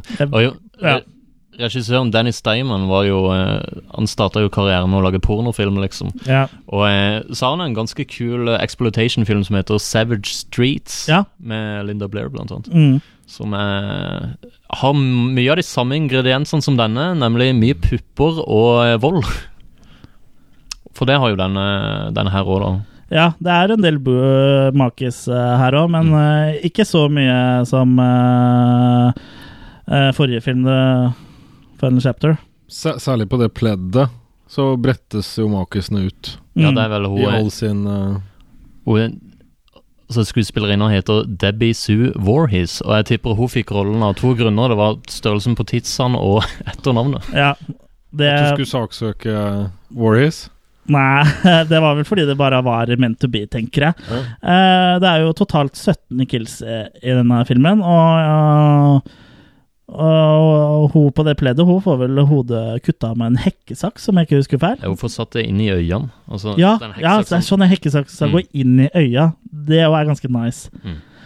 Og eh, han som hun har sex med, han blir jo bindt eh, fast i et tre med belte over øya, og så tar uh, uh, Roy. Jason Roy og vrir uh, pinnen, som han, en pinne som han liksom har tredd igjennom der hvor du strammer beltet, og bare vrir til, så bare liksom klemmer til på øya hans. Det var ganske deilig brutalt, altså. Mm. Ja. Apropos brutalt, filmen var innom MPA hele ni ganger, og er ganske så brutalt klippa, altså. Så her òg er det jo mye deilig gore som aldri har sett dagens lys. Og hvis vi hadde hatt med og den originale gården, så kan det hende den filmen her hadde blitt bedre mottatt av eh, fansen i sin tid, altså. Ja, men sånn, blant annet hun som eh, driver danser den her robotdansen. Oh, ja. Denne drapsscenen med hun var egentlig mye mer eh, brutal, eh, og eh, nesten litt sånn eh, sleazy, for da Ja. fikk hun en masjett opp mellom beina. Stemmer det. Mens i denne versjonen som er nå, så er det bare Der har du låta. Ja.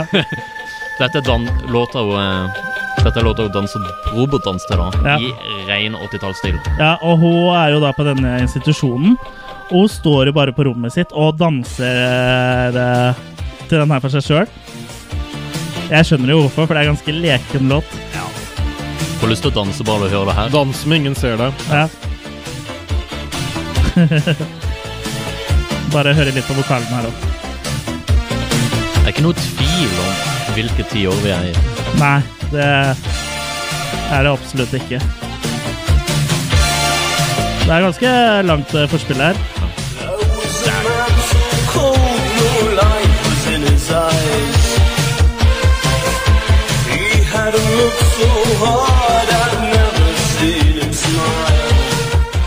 Men hva syns vi om uh, A New Beginninga?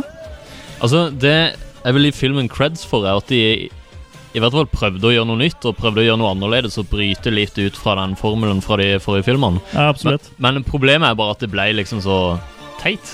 det er liksom, det er Ja, det, liksom det, det er overspillinga som gjør at det blir teit. Ja. liksom. Også teite karakterer og Og det er liksom ekstremt mange karakterer som blir introdusert bare for å bli drept. Så det er liksom Etter Ja. hvert så blir du litt sånn her eh, metta på å se litt sånn halvveis gjennomførte eh, drapsscener, liksom. Ja.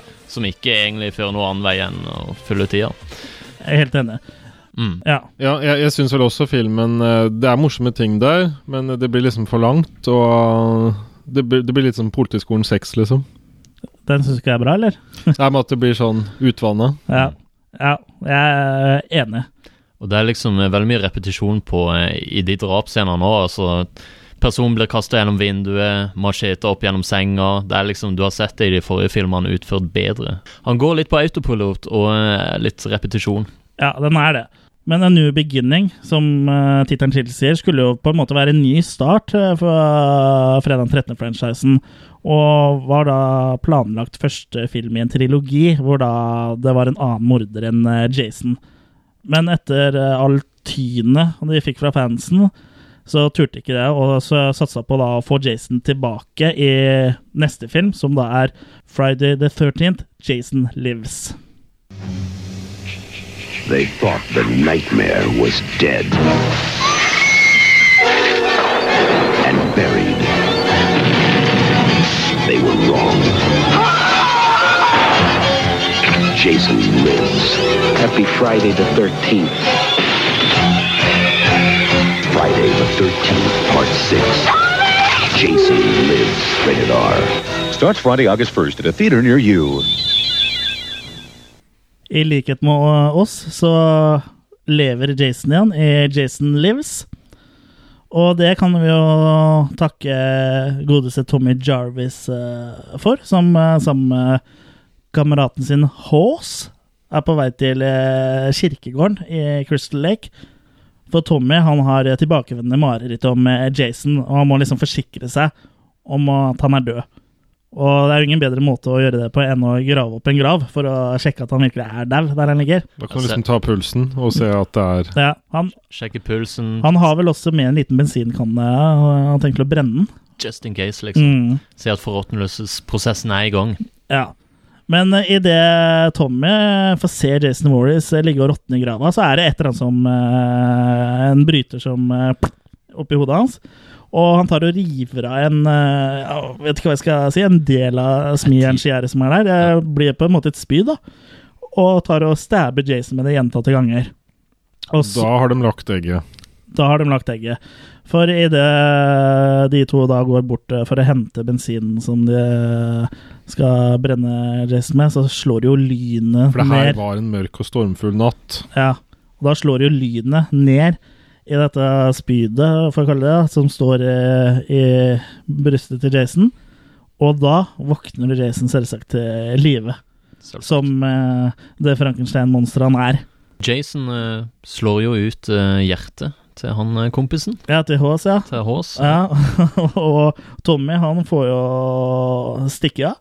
Ja, og for ordens skyld så hadde jo Tommy med seg den hockeymaska til Sef Jason. Selvfølgelig. Ja, så det var jo veldig sånn beleilig at ja, Ja. da kan han ta på seg den nå. Og eh, Så den eh, tar jo da Jason på seg og stirrer liksom inn i kamera med en sånn slags I'm back, bitches! Hvor det liksom da jump eh, på en måte inn i eh, mot øyet hans, da. Og når det er helt tett opp mot øyet, hva får vi se da, Jørgen? Ja, da er det en sånn litt sånn spill over det her med James Bond.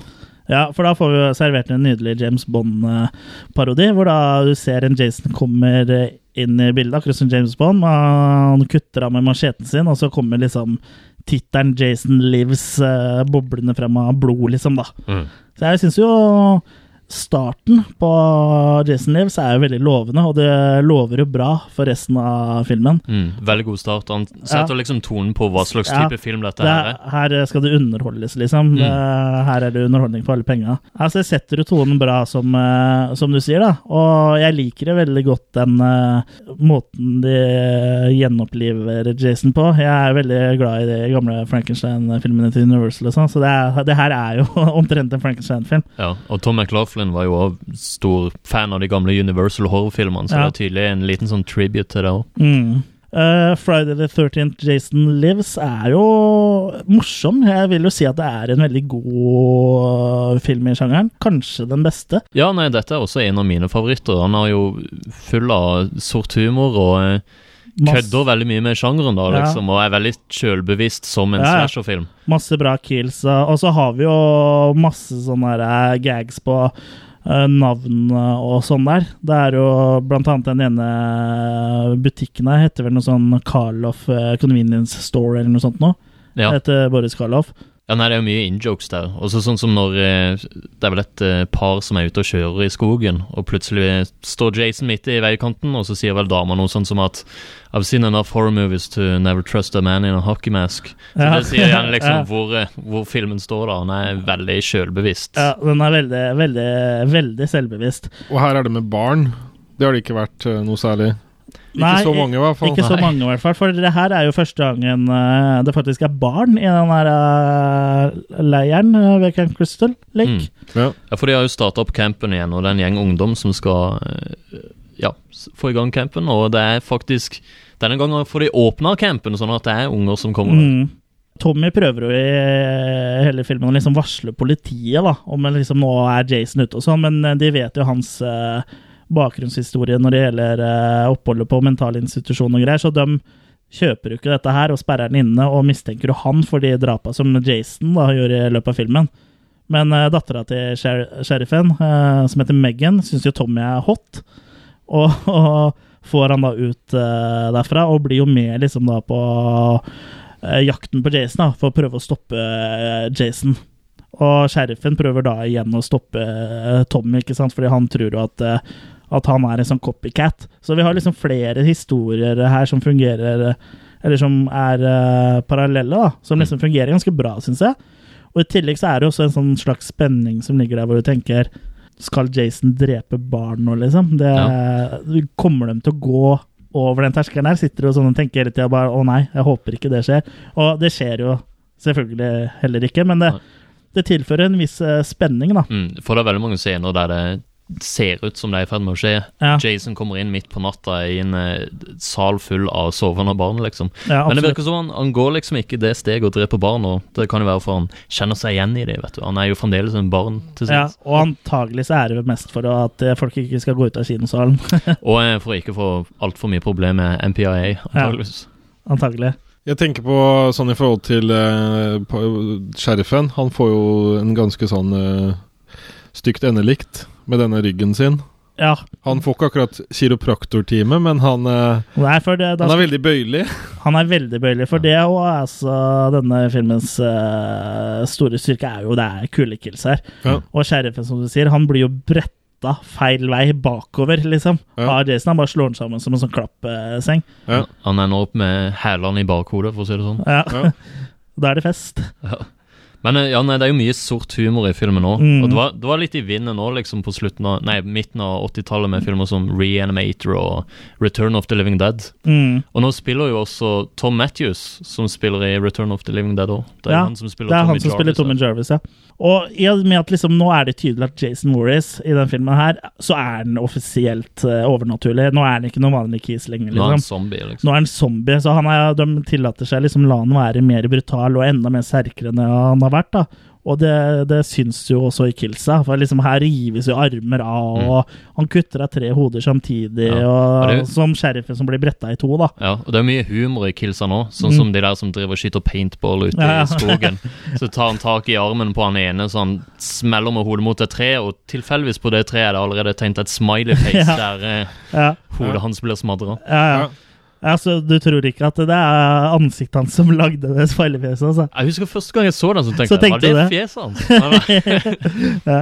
uh, men så, som vanlig så slo jo også MPA ned på denne filmen eh, veldig hardt, så den kunne jo vært enda mer gory. Mm. Og jeg vil jo si at eh, Jason Lives er, eh, er eh, nesten eh, den perfekte uh, fredag 13-filmen, men det mangler én ting. Eller la meg si to ting. Ja. Ma Kis. Markus. ja, for det er jo Vi får jo ikke servert noe nakenhet her. Nei. Og det er jo ikke meningen å sitte og høres ut som sånn kåt tenåring her, men det er, det er jo liksom eh, Det er jo en del av det du forventer, da. Du vil, du vil ha eh, makis eh, når du ser på en uh, fredag 13-film. Og det legger opp til det òg, for det er jo en sexscene der i den der Ja, ja. vanen, Ja, ja. liksom, hvor det er sånn perfekt anledning. Ja, bare Show me the titties, man! Ikke sant? Det er liksom ingen uh, ting, og det er jo litt synd, for ellers så er jo den her uh, perfekt, syns jeg. Og Mm. med 18 kills så er det jo også så langt uh, den filmen i franchisen med eh, høyest eh, killscore, da. Mm. Men eh, det, det er noe med tonen på den filmen som er kanskje litt sånn snillere enn de andre. Ja, litt Han er- snillere. han er litt litt mer humor. Ja, litt Ja. mer tegneserieaktig, og Ja. også sånn filmen ser ut. Han er veldig sånn fint lyssatt, da. Veldig sånn Ja. stilistisk liksom. Mm. Så eh, litt sånn snillere, men allikevel veldig kul. Og det er jo faktisk, i hvert fall frem til den tid, den uh, første filmen som fikk gode kritikker. Ja. Den fikk bra reviews, liksom. Ja, for jeg husker det, jeg så jo disse for første gang på eh, TV Norge i sommeren 99. Ja, jeg Så- tror jeg også så mange av de da. Ja, Ja. ja, for da var vel jeg sånn 13-14 år, og Mm. det var jo bare perfekt å få Ja. sett i dag, liksom. Og da husker jeg hver uke så sjekka jeg Se og Hør i butikken, bare for å se åssen Ja, ja. anmeldelse de hadde fått. Og da var det alltid sur munn. Sett bort ifra sekseren, da hadde han fått et skjevt smil, og så sto det 'mindre blod, mer humor'. Ja. Ok, ja. Det likte Se og Hør, at det var mindre blod og mer humor.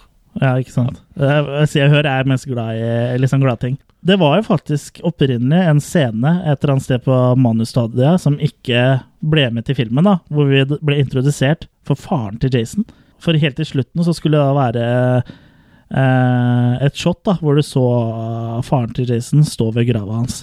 Men det ble det aldri noe av, da. Men uh, hvordan tror, tror dere det kunne blitt? Hadde det vært noe interessant? Og liksom fått vite noe om bakhistorien til faren? Altså, de har jo prøvd litt på det i senere filmer, som vi kommer tilbake til. og eh, Det kommer helt an på åssen vei de hadde dratt. Men eh, det, er jo, det er jo klart at eh, eh, mer kjøtt på beinet til storyen hadde jo kunne gjort det mer interessant, men Ja, Det spørs litt om hvordan de drar det. Hvis det blir sånn at han blir slått ned og litt og sånn, det, det er liksom bare å ta mye av musikken Mm. bort, føler jeg.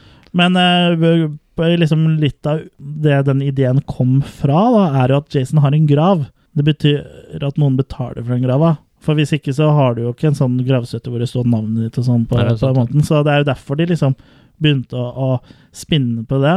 Og nå er jeg litt usikker, men jeg tror de har laga noen tegneserier ja, det, ut av det. det har jo kjent ut. Det er akkurat som jeg har sett noe av det, faktisk. Ja. Jeg tror liksom faren er sånn type sånn Hvis du ser for deg en kar liksom med frakk og en hatt, Ja. liksom, så ved gravscenen. Så jeg Ja, det tror sånn at det er en tegneserieadopsjon av det. Mm, det er den beskrivelsen jeg husker med den sånn lang, flagrende frakk. Mm. Han har ikke noen bolter i panna eller sånn. Ah, Nei. Men uh, hva syns du om uh, fredag den 13. eh, del 6, Jason Lives? Jeg Jørgen? syns den er underholdende. Ja. Og ja, jeg, jeg syns jo det er morsomt uh, når det er humor, og Ja. ikke, ikke bare sånn blodseriøst. Ja. Så jeg, jeg, syns, eh, jeg syns han har fått til mye der. Og selvfølgelig savner Makis, men eh, jeg hadde jo Man- aktuell rapport. eh, så jeg holdt jo det bladet da, så jeg Du holdt det. Du Ja. slapp det aldri. Nei.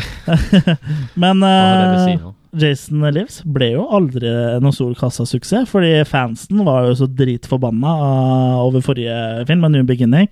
Så suksessen uteble, da. Ja, for Eh, mange det- gikk ikke og så den der. Nei, på grunn av liksom bare eh, Hei, blir du med og ser den nye Fredag 13-filmen? Nei, den eh, siste sugde eh, Donkey Balls, liksom. Ja. den tjente vel, Femmeren tjente vel mer penger enn sekseren. Ja, men det, er, det blir jo litt sånn med franchise-filmene, er at uh, forrige film bestemmer om du går på den eller ikke. Mm. Så, men uh, når den kom på video, da, så tok jo folk og plukka den opp, og da eh, steg liksom kurvene kurven eh, litt igjen, da. Ja. Ja, nei, altså, En skulle jo tro at den filmen burde fått mer eh, medvind, da. For det var akkurat som de fikk han på rett spor igjen, liksom med eh, elementene Jason var tilbake, og de hadde litt humor, og eh, Mm. killsene var fete og sånn. Og så hadde de også Alice Cooper med, da, med, på soundtracket, med låta 'Man Behind Mask' og eh, Ja, det blir jo aldri, aldri feil. Nei, ikke sant? Nei, litt Alice Cooper på soundtracket syns jeg alltid, alltid tilfører filmen litt, altså. Det passer til filmen, men jeg er ikke noen sånn stor eh, Alice Cooper-fan. Jeg syns han har for mye sånn Gesslisk, Per Gesslisk stemme. Ja. Ja, jeg skjønner. Hva du har Jeg har ikke noe sånn veldig tett forhold til Alice Cooper, men jeg liker eh, Man Behind the Mask-låta. Ja. Den eh, setter liksom den der rette 80-tallsstemninga da på filmen. Jeg gjør det.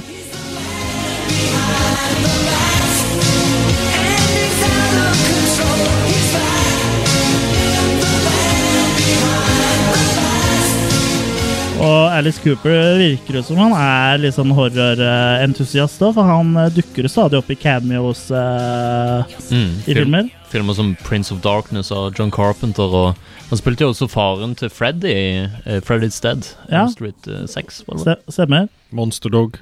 Ja, og så Claudio Fragassos Monsterdog, som jeg har kvia meg litt for å, å stifte nærmere bekjentskap med. Aldri en hel gutten Monsterdog Monster Nei, Nei. Riktig. Og den har jeg ikke hatt gleden av å se. Men Nei. uh, Alta fra Gazzo er jo eh, Ja. Det er jo bare must see. Stikk på videosjappa etterpå. Ja, Ja. i lokale VHS-sjappa. Ja, Det er mulig eh, de har den på Betamax også, hvis du foretrekker, du langt, eh, hvis du foretrekker det. Litt bedre bilde, så Ja, jeg tror jeg kjører betaen hvis de har den. bilde. Spør om de har betaen inne. Ja, gjør det. made a deal with the devil to sell cursed antiques, but he broke the pact, and it cost him his soul.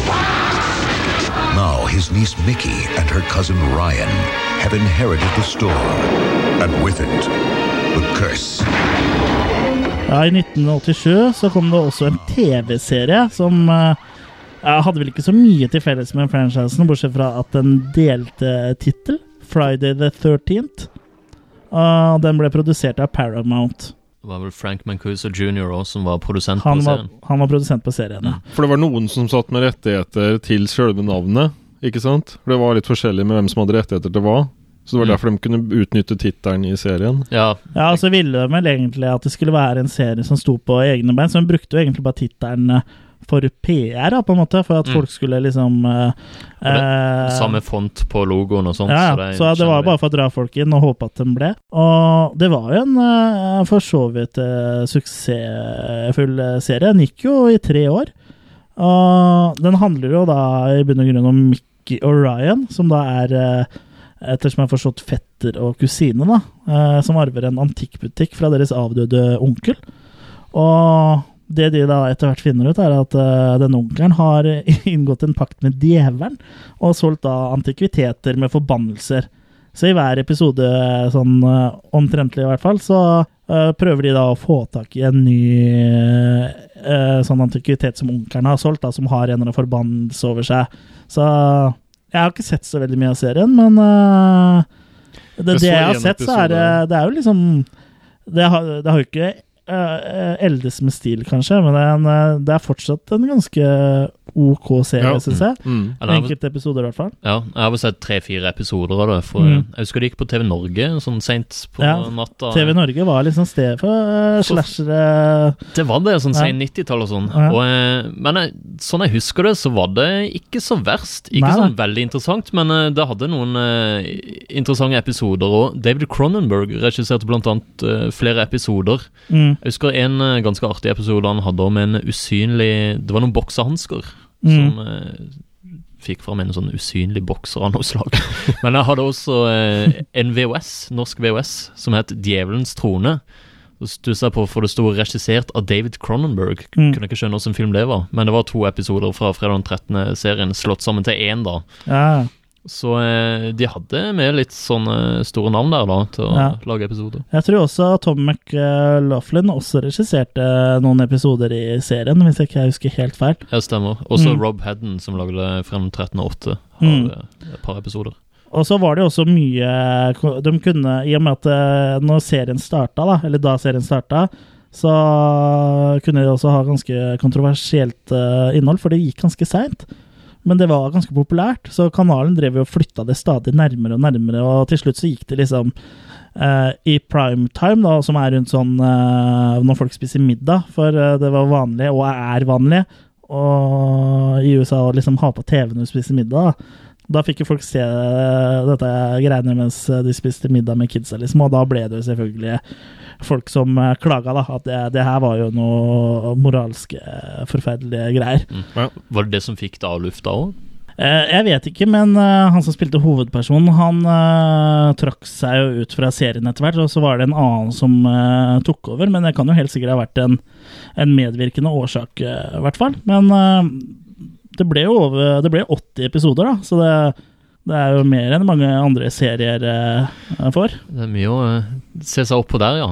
Men Mm. eh, ja, nei, jeg kjenner, kjenner et par som har sett gjennom hele serien, og de er liksom fan av det. De syns det er kult. ja, jeg syns ikke den er så gæren sjøl, egentlig, altså. Nei, altså Det jeg har sett, er jo underholdende, men eh, ikke forvent å se Jason der, liksom. Nei, og, og sånn sammenligna med moderne TV-serier, så, så er det jo er det kanskje litt mer sånn campy og litt mer sånn som TV-serier var back in the day. Men litt sånn i Tales from the Crypt-stilen, da. Så Ja, eh, ja. trivelig. Mm. Et nostalgisk Absolutt, vis. Absolutt eh, verdt å sjekke ut. Men eh, over til uh, filmen igjen. I 1988 så kom jo del syv av eh, sagaen om eh, Jason Voorhees. Friday the 13th, The New Blood. This is the one you've been waiting for. What's happening to me? Your psychokineses and these delusions are. The one you've been asking for. Hey, Tina. Isn't this the way they wear their jackets back in the mental hospital? Concentrate. Concentrate, Tina. The one you've been dying for. You people give me the creeps. Okay, you big hunk of a man, come and get me. Jason is back.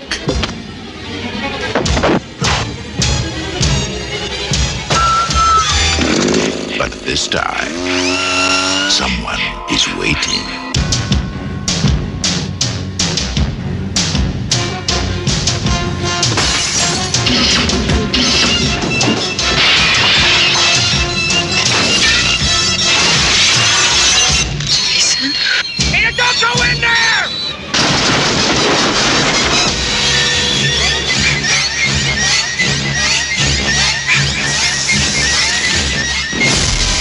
The 13th, Part 7.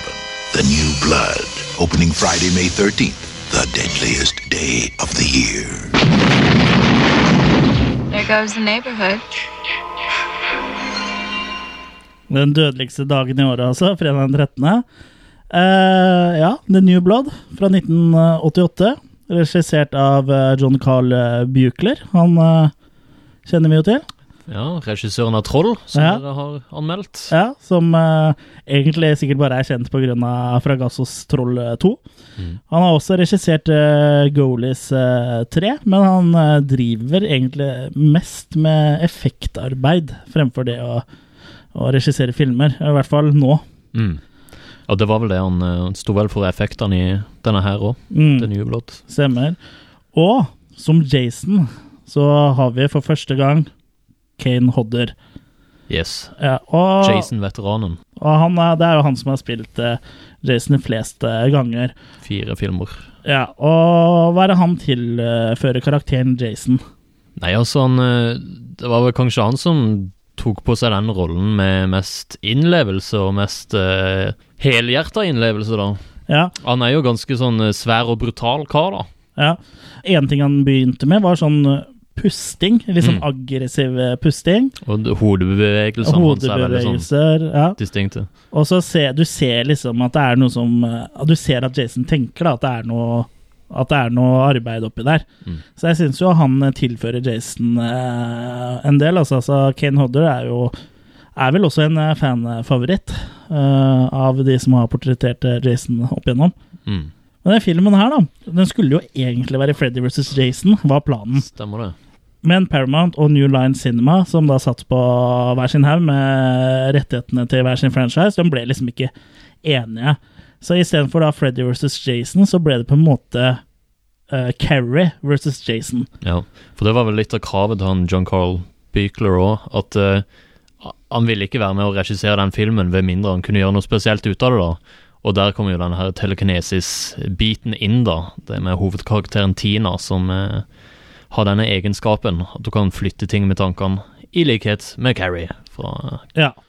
Og det er jo Tina Shepherd som eh, ved et uhell eh, vekker eh, Jason til liv igjen. Eh, og det er når da hun da besøker hytta, som er ved Crystal Lake, selvfølgelig. Som, hvor hun da ti år tidligere dukna faren hennes med de samme telekinetiske evnene. Og det var, jo også, prøve å få den opp igjen. mm. det var jo også ved et uhell. Eh, Så hun, hun har jo litt dårlig samvittighet for det her, da, men eh, så vekker hun feil person til livet. Ja, for hun er jo på hytta igjen for å liksom drive med litt sånn kognitiv eh, terapi. Og med henne så er jo psykologen og mora. Og mora håper jo liksom at ved å returnere til hytta, så skal liksom hun få en sånn slags ro og liksom innfinne seg med at far er død, og liksom ja, kulne litt, da. At hun får et buffer. Mens eh, psykologen på den andre eh, på sin side er jo mer interessert i kreftene til Tina og prøver å liksom eh, pushe fram de, da, fremfor Ja. at hun skal få noe closure på ting, liksom. Og i hytta ved siden av så er det jo en gruppe ungdommer som har kommet for å drikke og feste. Og ha sex. Og bli drept av Jason. Ja. Ja. Og ja Det er liksom på en måte i tredje akt eh, den filmen her liksom blir eh, kul, syns jeg. Når eh, det blir et Tina versus Jason, da. Ja, Og de fighter hverandre, og hun slenger møbler og alt mulig i trynet på han og strammer maska hans, så den det går inn i huden, og så den Ja, det og renner sånn. fett ut av liksom Ja. båndet. Ja, nei, Ja. Og hun får jo også hele taket over terrassen til liksom falle ned i hodet på han. Så, Det går hardt utover Ja. eh, både interiør og og Jason. Og hun får jo også tenner jo også på han. Eh, ikke sånn, Jørgen, men, men eh, altså får han til å brenne, da. Og huset eksploderer jo også, så det, det var tydeligvis mye gass i den leiligheten her. Mm. Men jeg, jeg må si, altså Selve den delen med tenåringene som fester og alt det der, det er liksom de karakterene der er ganske sånn likegyldig til når jeg ser denne filmen. Ja, det, de er liksom veldig stereotyper som Ja. du har sett det før, og eh, det er liksom delen med Tina jeg syns er mest interessant. Ja, det er den som er kul. Men nå skal det sies at denne her ble jo ihjelklippa av uh, MPIA. Oi, overraskende. MPIA har jo uh, på den tida tok jo den på seg som en oppgave å gå fredag 13.-franchisen etter i sømmene og klippe det noe helt for jævlig ned, så det Ja, for den er vel også klippa ned mer enn eh, de andre også. Eh, For eh, Ja. Det er- mangler jo masse gore-scener. Uh, ja. har, dere- har dere sett, ja, har dere Ja. sett de uklippa scenene? Ja, ja, en del av det er jo vises jo i sin helhet på den Camp Crystal Lake Chronicles Mm. uh, Blu-rayen. Og du finner, De ligger også ute i sin helhet på eh, YouTube. En sånn loslitt Ja. VHS-kopi, da. Ja, det er også den samme VHS-bildene vi ser i en Blu-ray. Mm. Uh, det er liksom Det er ett kill der som faktisk blir mer brutalt av at det er blitt klippa ned. Og det er den sovepose-killscenen hvor Jason plukker opp eh, en sovepose med en jente og slår den inn i et tre. Ja, for, For da slår den bare én gang, og så er hun ferdig. Mens i eh, den uklippa versjonen så slår den jo mange ganger. I slow Da skulle det her I briste. motion. Skulle ikke hele soveposen briste? At den var fylt med et eller annet, eller Ja, så spletter det ut blod. Ja, ja. Mm, så her ble det bare enkelt og brutalt, men på en måte så funker det allikevel, da. Ja. Men det hadde jo vært gøy å se litt mer eh, gore, da, for det er jo det vi er her for. Det er jo å se kills og makis. Det det er, det er jo det. Ja, Det er makis i filmen, nå. Ja, det er ikke så mange. Det er eh, fire. Ja, Men eh, flere enn sekseren, i hvert fall. Ja, det, det skal ikke så mye Det til. skal ikke så mye til. Nei. Men, det er jo eh, totalt eh, 17 kills, da. Mm. Men det det, når de er nedklippa, disse drapene, så er det liksom De ser du har sett det før, eh, gjort det bedre i de tidligere filmene. Ja, Hvis det hadde vært mer går så hadde det kanskje føltes litt eh, mer spesielt eh, ut, da, tenker Mm. jeg. Og det er jo det det hadde blitt hvis den hadde vært uklippa, for det er jo Ja. egentlig veldig bra gjennomført, det her, når du ser Ja, ja, den i utro- uklippa tilstander. Ja, så det er synd, altså. Og det er synd at eh, Paramount eh, ikke så verdien av å ta vare på dette her, altså. Mm. Å ta vare på de klippa siden og bare liksom kaste det i søpla. Det ligger ikke noe sånn fan-edit eller sånn ute hvor de er klippa på plass igjen, eller? Det kunne de jo gjort. Det Ja. ble jo vesentlig kvalitetsforskjell, men eh, det ville i hvert fall gitt en viss Ja, den VHS-en er jo helt uh, forferdelig. Ja, det skurrer, og det er den, ikke den har blitt spilt av mange ganger. Ja. Ja. For jeg vet Kane Hodder pleide å ha med den på conventions før og liksom vise fram, så jeg Ja. vet ikke om det er samme. Antagelig så er det den samme kopien. Uh, men eh, vi er jo alle tydeligvis enige om at det er liksom tredje akt som virkelig leverer. Men uh, det er jo også uh, på slutten hvor det også feiler litt, da. Hvor da de er ute på brygga der, eh, Tina og Jason, og så kommer da faren til Tina, som har vært død i ti år, opp og drar Jason med seg ned i vannet. Ja. Og han ser jo helt fin ut. Han eh, Og liksom eh, Litt gjørme i fjeset, liksom. ja, og det er da produsent Barbara Sachs, som eh, Hun hadde jo ikke noe peiling på hva hun holdt på med, og hun hadde jo ikke noe var ikke noe glad i skrekkfilmer og syntes hele greiene var teit, liksom. Og hun syntes at nei, det blir for dumt hvis han ser ut som en zombie eller liksom har råtna der. Ja. Så han skulle være clean. Ja. Mm. Og, med, og det liksom Som om ikke det hadde vært forvirrende nok, da, for jeg syns jo det er å stretche litt langt at Zombie Dad uh, Selv det, liksom, så kommer jo vanlige clean Ghost Dad Ja. og redder dagen, og jeg bare Jeg syns det er en teit slutt, altså. Ja, nei, som jeg har skrevet i notatene mine her, tam sluttscene med faren. Så, Mm, ikke sant? Det oppsummerer det ganske, bra. Det blir tørr i lufta. Ja. Og jeg, det, det, antageligvis så er det et slags forsøk på å gjenskape den scenen for det, som er i originalen, da, hvor Jason bykser opp av vannet, og som de har lagd varianter på med at uh, Pamela gjør det, og uh, andre gjør det, liksom. Men, ja, i treeren. Ja, men altså, det, det, det, det blir dumt. trikset der føltes oppbrukt allerede i treeren, liksom. Ja, Så. ja, så Det blir litt sånn som på tivoli. Når du hopper opp et hode, så skal du hive på blink, og så går hodet ned igjen. Og Ja. så kommer du kunne lage bare sånn flashbill av det. Ja. Ja, så egentlig liksom Det er uh, telekinesegreiene er kult. Kane Hodder uh, er kul. Ja, altså, looken på Jason er jo veldig annerledes her òg. Ja, sånn den er fet. Ja, den er kul. Og, Også du ser de... liksom ribbeina som Ja, stikker ut. Og, Han har ligget og råtna i den, eh, det, det vannet lenge. Men det- skal sies, når han mister maska, så ser han fet ut, men det er nesten sånn han er litt for kul. Litt for sånn eh, Ja, ja. actionfiguraktig. Ja, Som, ja. eh, men igjen, eh, fett. Men eh, skiller seg veldig ut da fra de andre lookene Ja. til Jason. Og så har han jo fått seg litt bling også. Han har vel eh, Ja, stemmer det. Kjetting rundt Jeg har halsen. kjettinger og- rundt halsen. Så så, du, du, hører, og- ja, så du hører det klirrer eh, når han går og sånn. Så det, ja. Inspirert av Mr. T. Ja, Ja. inspirert av Mr. T. Yo, fool! I pity the fool who have sex. Det var verdens dårligste Mr. T-imitasjon av meg. Men uh, da er vi en, egentlig enige om at uh, det er uh, noe kult med telekinetiske greiene. Jason i Ken Hodder sin utgave er kul. Ellers er det, er det vel ikke så mye å hente her. Og en liten fun fact. Har dere lest American Psycho av Brett Easton Ellis? Det har jeg, men det er lenge siden. Den leste jeg faktisk når jeg- på engelsk da jeg gikk på ungdomsskolen, tror jeg. Ja, Så- Der er det i hvert fall en liten del hvor Patrick Bateman eh, leier en eh, film, og da leier han fredag den 13.7, The New Blood. Så den, eh, den, den er med i American Psycho. Kult. Ja, og i neste eh, film i franchisen så var ikke Camp Crystal Lake eh, lenger bra nok. Da tok Jason turen til storbyen.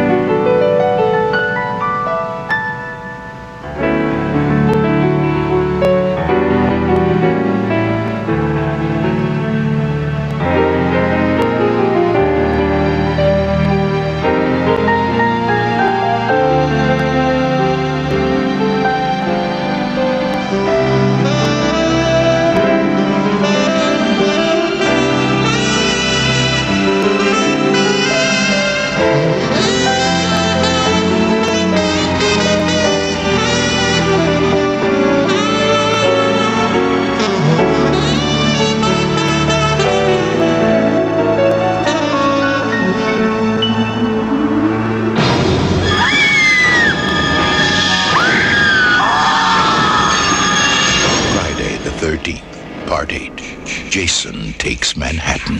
Now, New York has a new problem. Jason takes eh, Manhattan. Jørgen, hva skal vi si? Her er det jo uh, mye mer uh Det første som er så snodig, det er jo det her at han uh, blir vekka til live, og måten han kommer seg dit han skal. Ja, for han uh, er jo i bunnen av Camp Crystal Lake. Ja. Uh, det kommer jo en lystbåt inn i Crystal Lake. Ja. Og ved hjelp av strøm så vekkes eh, Jason til live, og han klatrer da opp på den båten her, begynner å og, og dreper de to som er på båten. Ja, for de har da vekka Jason til live fordi ankeret kom borti en svær strømkabel som ligger på bunnen av, på bunnen av Crystal Lake, Ja. som da selvfølgelig vekker Jason opp igjen. Mm. Ja. Og så driver jo den eh, båten her veldig langt. Eller rett og slett Jason kjører den båten. Ja. For eh, du ser jo litt senere så ser du sånn eh, en litt sånn større båt som heter SS Lasarus, som nå skal ta med seg en sånn eh, high school-klasse eh, til New York. Og da kommer den båten ikke drivende, men kjørende. Ja. Det er tydelig at eh, den kommer kontrollert igjen. Ja, så han har Jason koll på deg. rundt. Jason kjører båt. Og Ja. det Ja, ok, det er sikkert ikke så vanskelig å kjøre en båt, så det kan jeg kjøpe. Men det jeg lurer litt på, er hvordan kan du ta og kjøre en båt fra en innsjø til New York? Ja. ja nei, det må være en sånn magisk portal i Crystal Lake hvor de kjører den cruisebåten ut, og, ut fra innsjøen og til det store hav. Men Jason har overnaturlige evner. Han Ja. kan ha tatt av bare rett og slett fra opp av vannet. Selvfølgelig. Ja. Og, så, Og her- som du ser senere i filmen, så kan mistenker mistenke at faktisk Jason har muligheten til å teleportere seg, for han eh, kommer seg fra de mest utrolige steder på liksom blunk. Jeg- uten Ja, men jeg, jeg Du tror tror ikke han bare tar en sånn yellow cab, da? Ja, ja, det, det, Ja, Jeg tror det var amfibiebåt. ja. ja for det, det er jo liksom det er, eh, det er liksom en stretch, da. At han eh, Det er noe som jeg føler de lett kunne ha skrevet om, da. Ja. Det, og liksom Uh, Hva tenkte de, liksom? Sånn er folk i USA vet ikke forskjell på en innsjø og havet likevel, så det går, det går Nei. fint. Og antageligvis så går det helt greit òg. Jeg tror det har vært flom. Ja, det har vært flom. Mm. Mm. Men, men det sier litt om den filmen, for det er mye som eh, skranter litt med logikken her, da.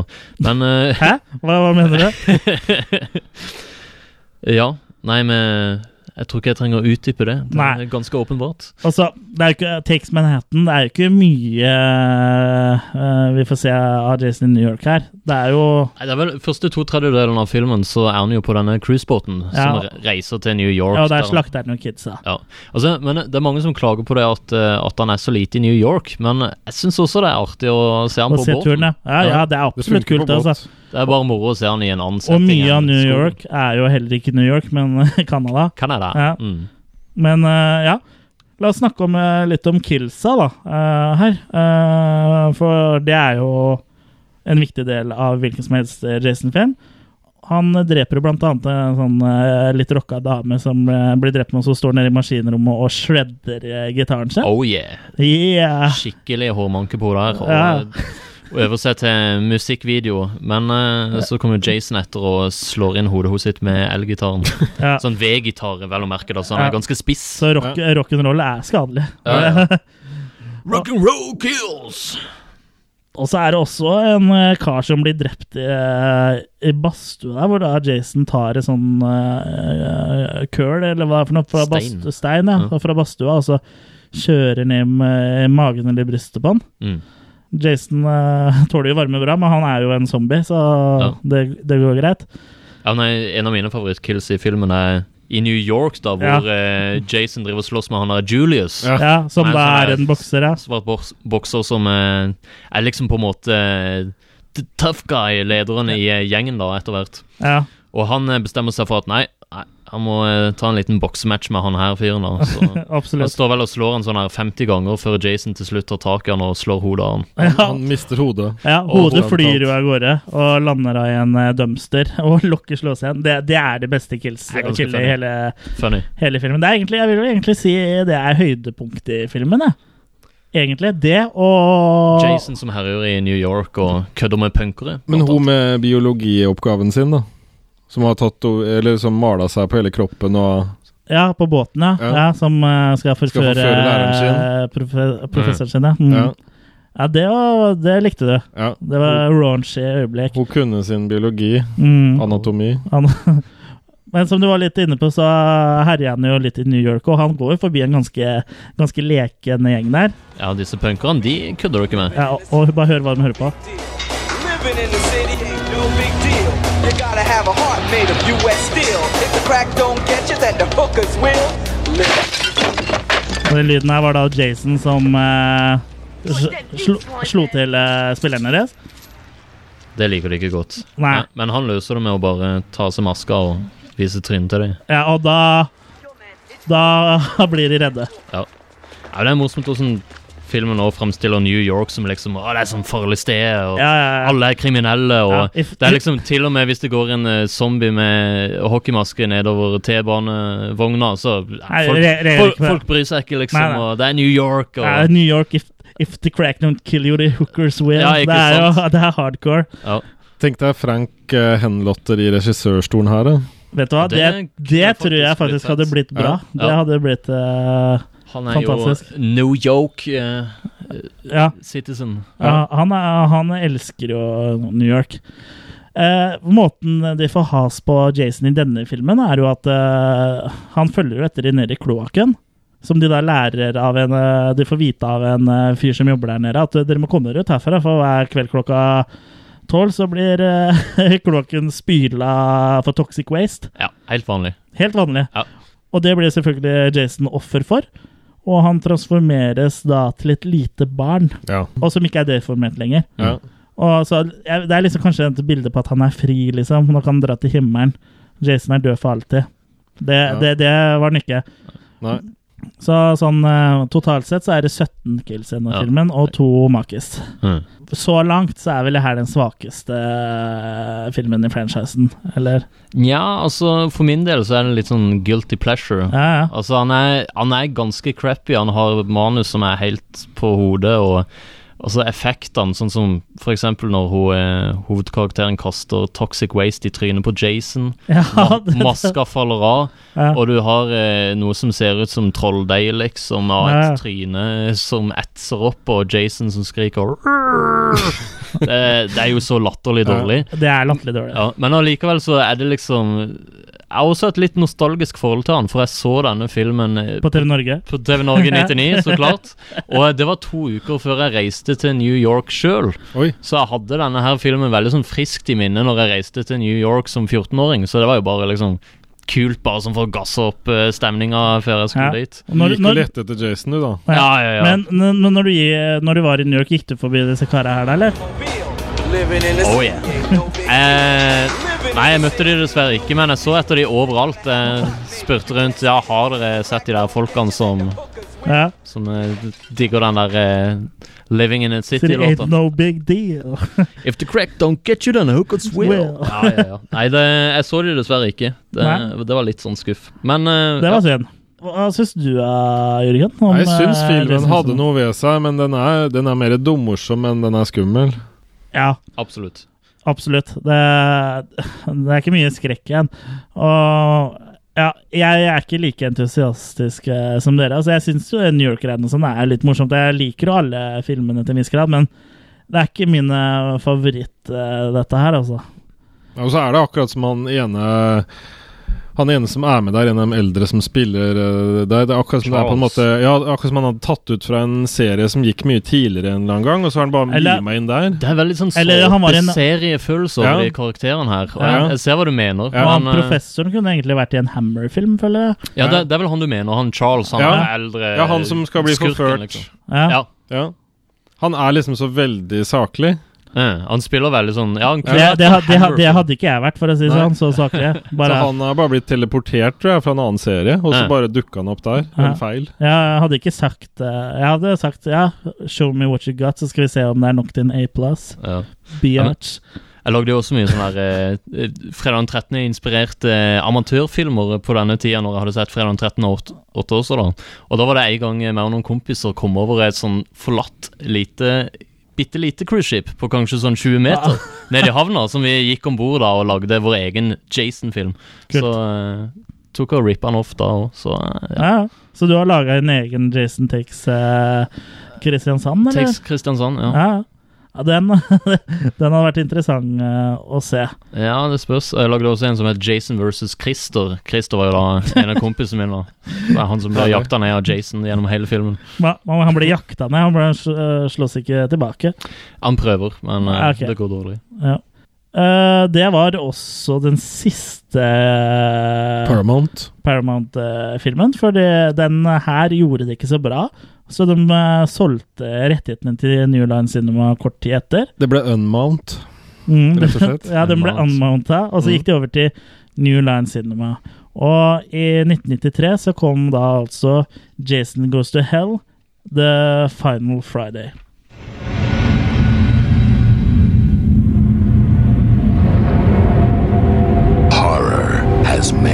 Faces. Death wears many different masks. But pure evil wears only one. And this is your final chance to see it.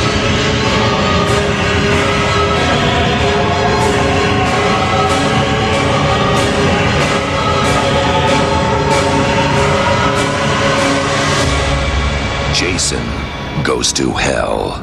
The final Friday.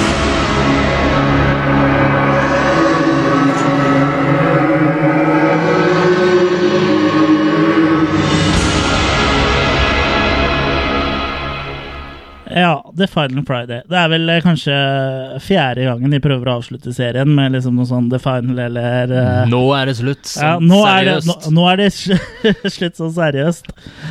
Uh, ja, første film fra New Line Cinema med Jason. Og Sean S. Cunningham er tilbake som produsent. Regissert av Adam Marcus. Uh, faktisk så var Toby Hooper knytta til prosjektet en uh, periode. uh, som regissør, men det ble det dessverre ikke noe av. Så det var Adam Marcus som da ble regissøren, og han har også stått bak den fantastiske filmen Texas Chainsaw 3D. Å ja, ja, riktig. Det var han, det, ja. Ja. Ja. Ja, og det var sarkasme, hvis eh, noen av lytterne ikke forsto det. ja.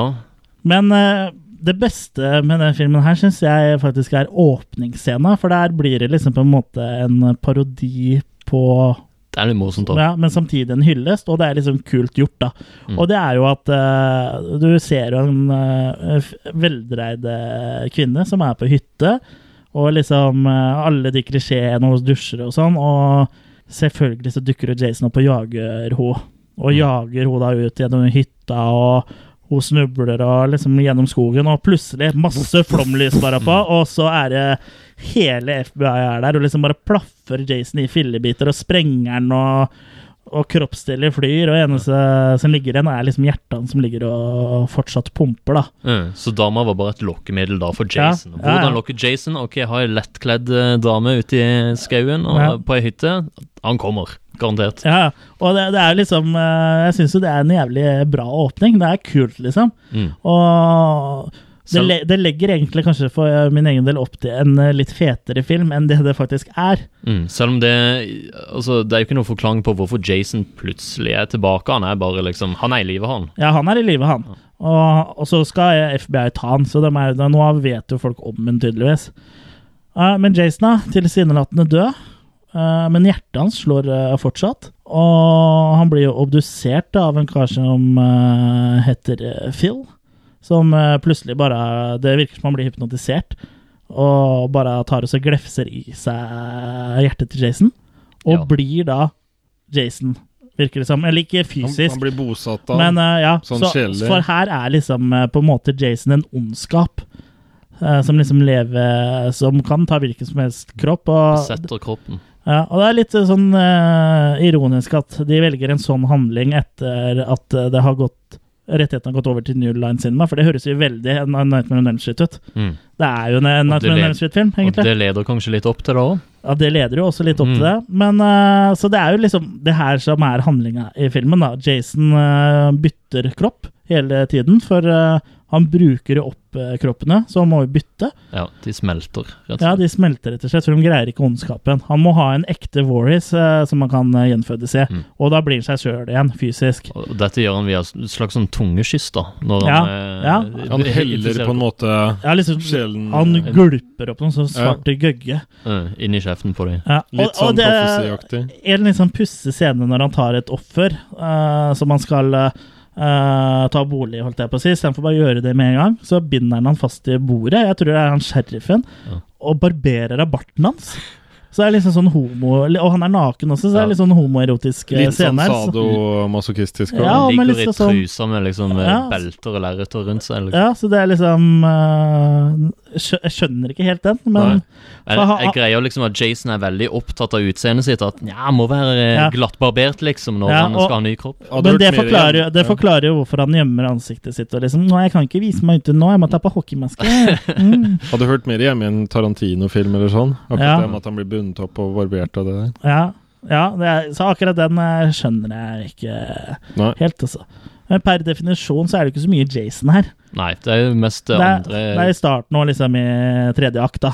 Mm. Eh, Og hodet hans altså Looken til Jason her er jo også helt ny. Ja. Hodet hans ser jo ut som en sånn oppblåst gresskar av noe slag, med liksom den der eh, hockeymaska smelta inni. et sykt gresskar. Ja.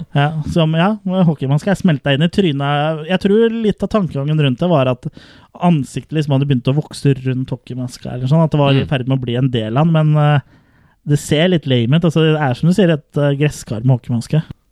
Jason Goes to Hell føles på en måte som en oppfølger fra en sånn alternativ tidssone. For det er plutselig veldig mye regler rundt Jason som aldri Ja. har vært tilfellet Ja. før.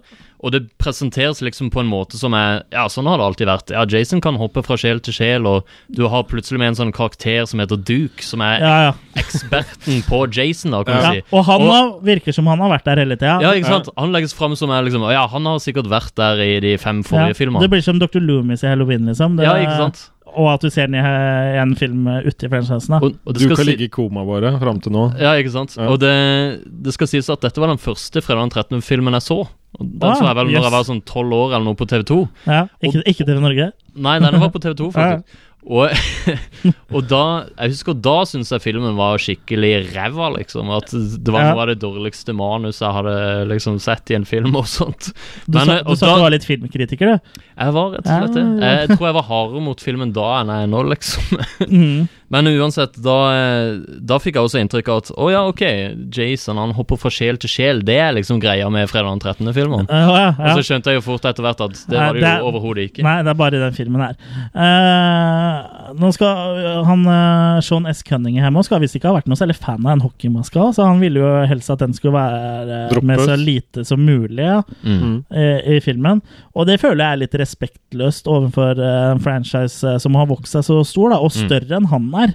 Han, eh, var ikke, han skapte en film som liksom Uh, etter hvert ble en uh, franchise, liksom. Og da syns jeg ikke at du skal gå tilbake og kødde med franchisen.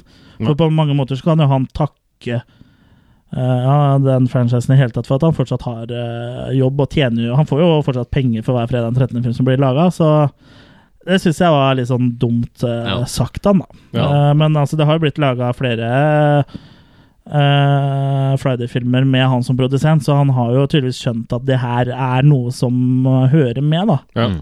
Men en sånn positiv ting med filmen, så må jeg si at uh, effektene av KNB, altså Greg Ja. Nicotero-gjengen er jævlig bra. Ja, de er fete. Altså Spesielt den teltscenen med hun, det paret som har sex. Ja. Hvor det er ei dame oh, ja. som blir spidda i to oh, ja, ja. av en sånn her teltstang. Som er utrolig brutal og veldig bra iscenesatt. ja, den er veldig kul. Det er vel mens de har sex, ikke sant? Mm. Og så Horerer han. bare fopp, ja. Den, den scenen der skulle vært i eh, sekseren. Ja. Tenk deg hvor bra den hadde vært da. Bytt ut den med den der eh, bilscenen Ja, med de som har sex der. Så, Ja. ja. det hadde vært helt, eh, helt nydelig. Vi tar jo også en tur til huset til Warris-familien her. Uh, I siste, eh, tredje akt filmen så er det jo der det foregår, og rundt omkring der. Og de får jo drept eh, Jason ved å kjøre en uh, Som da igjen har gjenoppstått, fordi han fant jo en Warris han kunne gjenoppstå i, og det var vel en døde Var det søster, eller Nei, det var ikke søster. Det var en slektning. En slektning, En kvinnelig Ja, som uh, lå død i kjelleren på det huset som Jason hadde knerta tidligere, eller noe sånt noe. Og da er han tilbake med Og da er han tilbake som seg selv, gresskarhode og, og med ja. gresskarhode og alt. og, men han kan jo også Eneste måten å faktisk drepe ham på, er jo å bli drept av en Warhays med en sånn spesiell dolk som eh, som hun da får av han uh, Duke, er det ikke det? Mm. Så det, er veldig, plutselig veldig mye mytologi som er her nå. Mye greier som Så- som, du, som du nevnte, Alex, som ikke har kommet fra engelsk. Liksom. Jeg har aldri hørt om det her før, og så kommer det med en sånn magisk dolk og greier. Som må bli Og det er liksom framstilt så selvfølgelig. altså. Ja. sånn, sånn er det. Liksom. Du er en ren et av Warhis. Ja. Ja, det- you got the power. Og hun får jo kjørt den dolken inn igjen, da, og da blir jo Jason liksom dratt tilbake dratt til helvete. helvete, ja. Mm. Og- men- og sånn. Ja, men uh, idet han liksom blir ikke stabba, så slippes jo sjelene som Jason har drept, fri liksom ut av han. Og det også er jo veldig uh, Igjen Anointment Elm Street, da. Uh, for uh, han har jo liksom på sjelene i seg, da, sånn bokstavelig talt eh, under huden. Eh, som du kan se i Nightmare on Elm Street eh, 4, blant annet. Dream Warrior. Så jeg føler liksom at eh, de har blanda Freddy litt for mye inn her, da. Til at det skal være en uh, reinspikka uh, Friday-film. Ja, men eh, nå avslutter jo også filmen med Jasons maske som ligger i sanda, hvor det er da hånda til Freddy som kommer opp og drar ned maska. Så her Ja. la de jo også opp til Her la- Freddy versus Jason. Ja, og, Og det også skulle vi endelig få se det i samme film? Nei, ikke før. Det skulle gå 20 år Ja. før vi- fikk se Freddy eh, versus Jason. En annen sånn litt artig greie er at i huset til Warhis-familien så kan man også se The Necromicon, eh, boka fra The Evil Dead-filmene. Det er Mm. ikke så lett å si det der eh, for en østfolding. Necronomicon. Ja, ja, du må si det. I hvert fall boka fra The Evil Dead-filmene. Mm. Ja, for det har jo også lenge vært spekulert om en eh, Ash versus Freddy versus Jason-film Ja. også. Ja. Så jeg, jeg vet ikke om de kanskje da planta inn det for å eventuelt ha det Mulig. Men det har kommet i tegnefilm? Tegneserie. Eller tegneserie, Ja, mener jeg. Ja. det kan stemme det. Ja. Men den boka ble da eh, lånt ut uten eh, godkjenning av han som har laga den, Tom Sullivan, så han skal ha blitt eh, skikkelig pissed for at den var med i den filmen. Ja, hva syns vi om Jason Goes to Hell? Når jeg så den igjen senest i går, så må jeg si at eh, effektene holder seg jævlig bra. Det er veldig mye bra gore-scener og sånt, men selve manuset er jo helt på trynet. Altså det der at Jason hopper fra sjel til sjel, liksom, og hele legenden som de plutselig kommer det er for mye ja. mytologi som ikke eksisterer, som bare blir dratt ut. Mm. Når du er i nieren, liksom. Ikke sant? Men eh, han er underholdende, men eh, Ja. ikke bra. Nei. Altså, det eneste eh, som jeg syns er bra her, er liksom, eh, som du nevnte, når uh, hun Deborah rir han karen i teltet, og Jason deler jo i to, bokstavelig talt. Det, skulle ønske det var uh, The Killer var en annen film. At det var f.eks. i sekseren. Da hadde vi fått i hvert fall eh, to boobs, eh, eller makkis, inn der. Det ble jo faktisk laga et TV-spill basert på den eh, filmen der. eh, som fulgte handlinga til den spesifikke filmen. Og etter det jeg har forstått, så, så ble det aldri sluppet. Og det er jo litt sånn rart, hvis spillet var ferdig og det ikke ble sluppet. Da kan du jo begynne å tenke hvor dårlig det her var, for det var jo faktisk eh, Det er faktisk ganske mange dårlig filmlisensierte eh, spill som eh, har blitt sluppet, da. Så hvis det her ikke var godt nok, hvis det var det som var problemet, så kan det jo nesten ikke ha vært skrevet en linje med kode engang. Det var dårligere enn ET. Ja. Eller ET. Ja. Oh. Men hvis det spillet faktisk hadde da kommet ut i 93-94, så hadde jo ikke det vært første gang vi så hadde sett Jason i et spill, Jørgen. Nei, for det, det kom også Det, det var jo blant annet et spill på Nes, Nintendo Entertainment System. Ja, det, ja, det kom i februar 1989.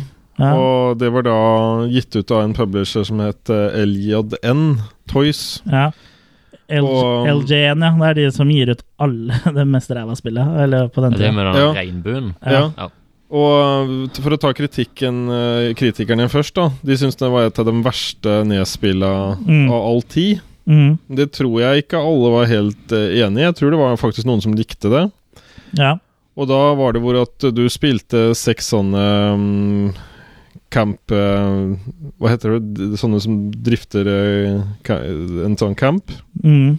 Og så kan du velge Ja, du, det er sånn sidescroll. Ja. Og så skal du da gå og tenne peisen i de forskjellige Hyttene. hyttene. Ja. Og så kommer da Jason sånn innimellom, og du skal drive og ta han, da. Målet ditt er å finne og bekjempe Jason da tre ganger. Mm. Og det tar lang tid å spille det. Og ikke noe lagringsfunksjon, eller? Når ikke du Det vet jeg ikke. Nei, det hadde det ikke. Jeg har spilt det på NES emulator, og det er jo utrolig vanskelig spill. Ja, så tror jeg det er litt villedende med at du, det du tror skal brukes til én ting, det er ikke helt riktig, så koding er litt forvirrende der òg, tror jeg. Mm. At okay. de eh, tinga du har, brukes på en litt annen måte enn det du trodde det skulle brukes til. Da. Ja, Det kan godt stemme. Det er i hvert fall veldig lett å dø i det spillet. Ja. Ja, det er du i filmen også, så Ja. sånn sett er du Sånn sett i tråd med filmen. Ja. Freddy vs. Jason ble det jo lagt opp til skulle være neste film, som sluttscenen er ganske god indikasjon på. Men det var jo i produksjonshelvete-limbo i mange, mange mange år. Og for å holde like varmt. Ja, eh, flere titalls manus ble skrevet, og New Line Cinema ble liksom aldri fornøyd. Og like godt eh, så bestemte de seg i 2001 for å bare lage en ny film om Jason. Og denne gangen så tok han eh, turen til eh, verdensrommet. In the year 2455, on a routine training mission, a team of students is about to discover a life form frozen in time. Wow. They're on their way back. Prepare for docking and power up the lab. You brought him on board? Everything's under control, ma'am.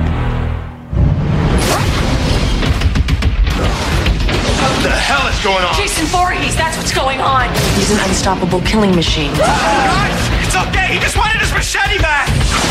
How do we get off the ship? I don't know. Look, we're gonna be all right. What? Are you high? Uh-oh. He's here. You have got to get them out of there. Hey, Slappy!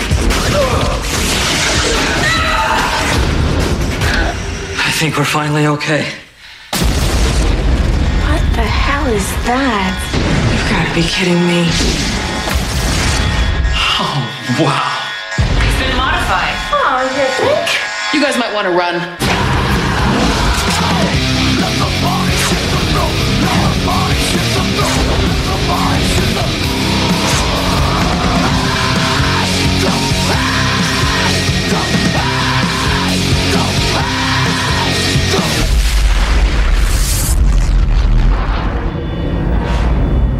Don't think he's out there. Why don't you just stick your head out and have a peek?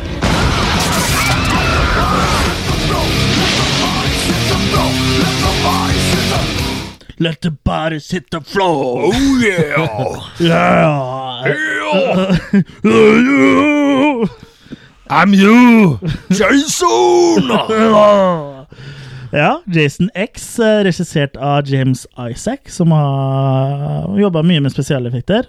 Blant annet på filmer som Gremlins, House 2, The Second Story og Existence. Og apropos Existence, så er jo regissør av den filmen David Cronberg med en uh, liten eh, cameo i denne filmen. Det forklarer nok litt hvor, hvordan han fikk med David Cronberg til denne filmen. Ja. Mm. Han har altså jobba med han før. Han har jobba med han på Existence.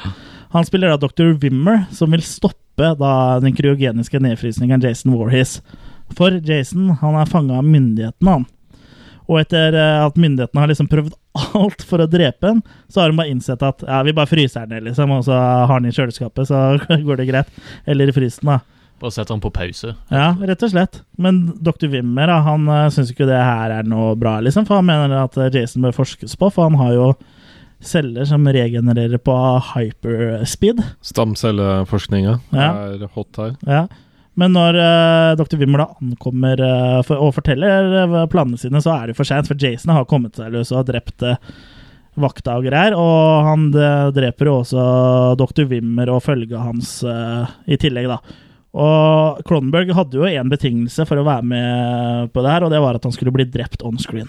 Og en av forskerne, da, eh, en kvinne som heter Rowan, hun greier å få lurt eh, Jason inn i ja, La oss kalle det en cryopod, da, i mangel av et bedre ord, og får da satt i gang nedfrysningsprosessen. Og står da uh, foran døra og så ser at han blir frysende, men han rekker da å kjøre macheten igjennom ståledøra, selvfølgelig, han er sterk. Og den går da inn i magen hennes, og da blir det jo lekkasje. Uh, så da blir det skjøttes jo hele rommet ned. Og hun fryses Hun jo fryses. Hun fryses Ja, også hun da blir med bøndla. Hun blir bøndla med Jason. Ja. 445 år senere så blir da begge to funnet av en gruppe studenter og læreren deres som er på ekspedisjon til jorda. For eh, eh, rundt uh, 2000, eh, rett før 2500 omtrent så er jorda ubeboelig. Ja, og de finner Jason.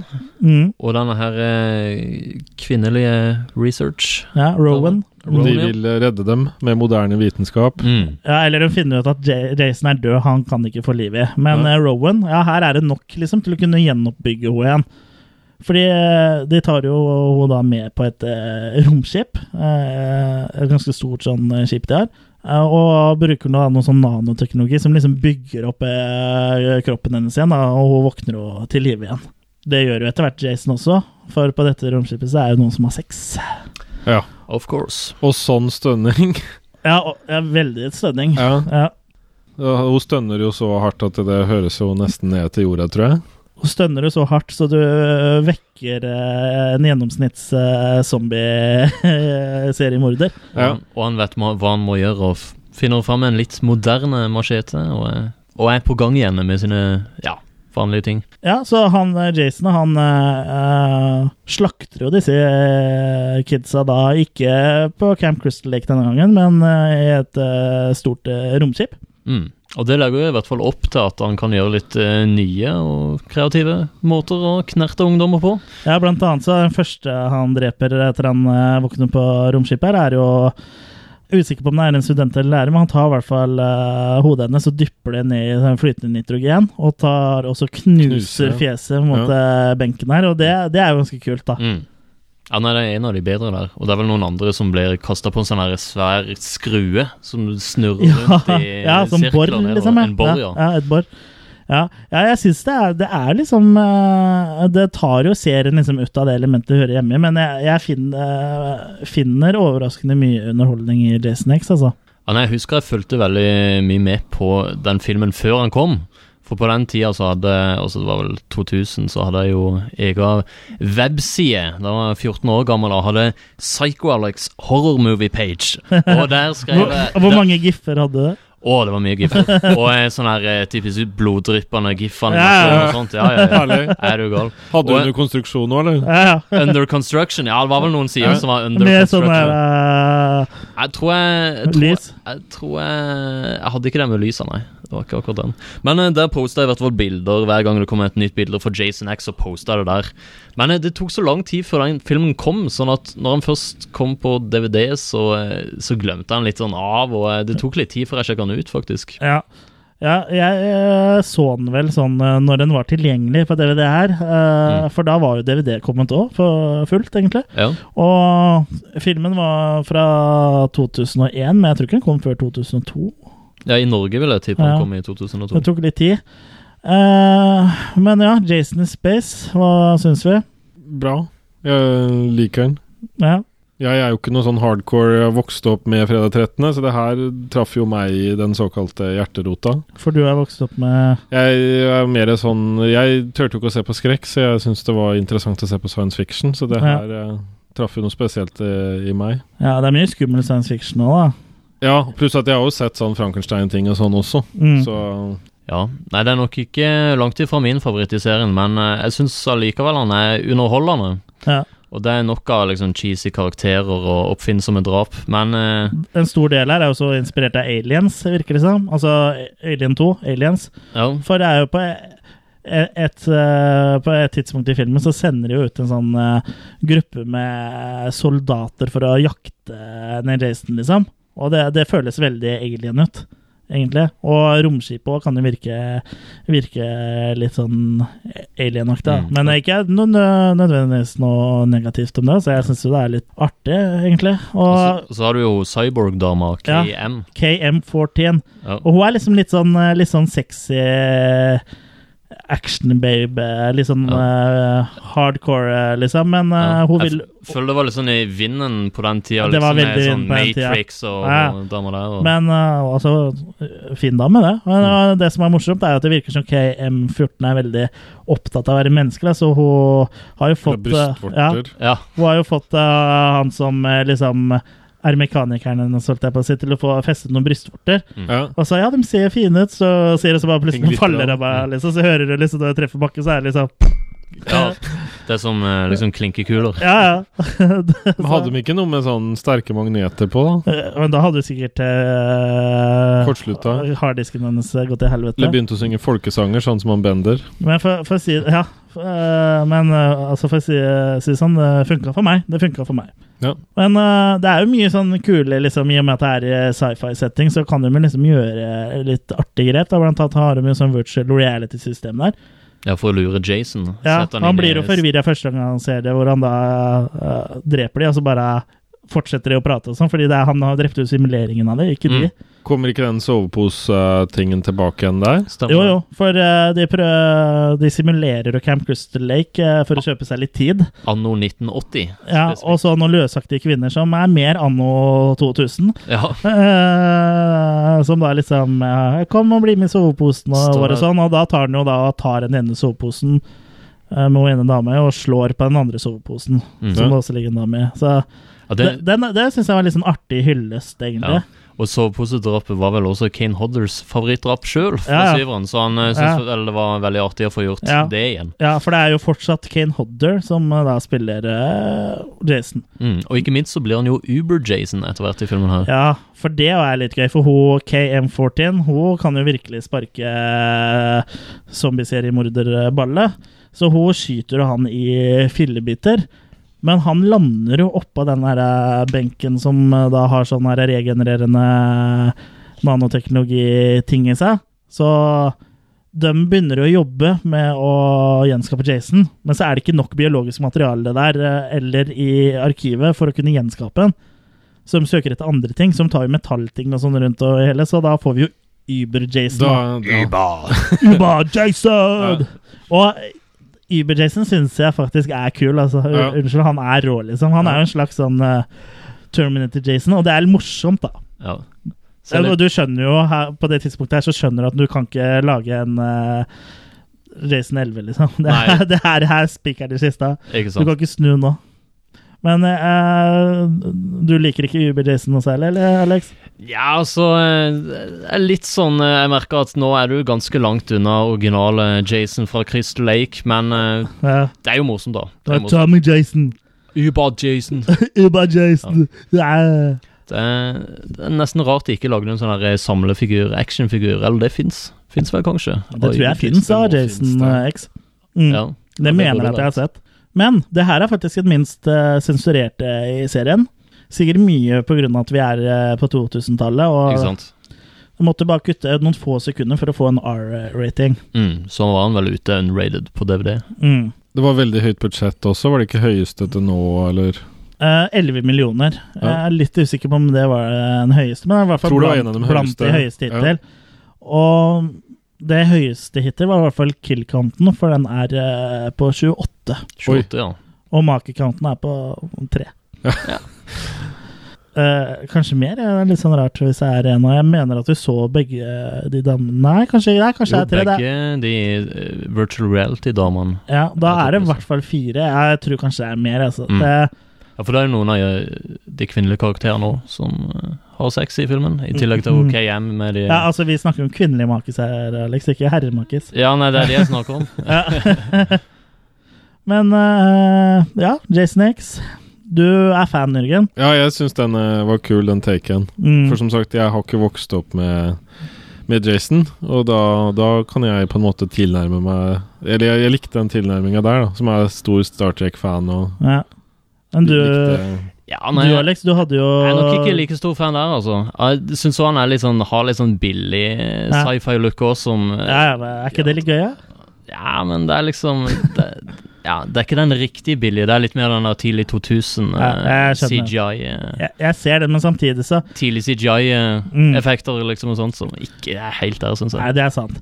Men samtidig, så selv om jeg også, som deg, har vokst opp med Jason som onkel, holdt jeg på å si, så føler jeg det at den trekker seg så langt unna det originalmaterialet, føler jeg da at jeg kan liksom slappe av litt mer og bli underholdt Mm. av det, enn at det liksom prøver å tilføre nye ting som ikke funker i en setting. Her har de bare tatt alt ut av settingen sin, og da syns jeg det funker bedre enn f.eks. Ghost to Hell, da. Ja, Ja, nei, altså Det positive med han er jo at han har også mye humor, liksom. og Altså Han kødder jo mye med konseptet sjøl, liksom. Så det er en underholdende film, det er det absolutt. Absolutt. Og bare to år eh, senere så kom filmen som, jeg, som fansen av to franchiser har venta på i nesten 20-30 år, nemlig Freddy versus Jason.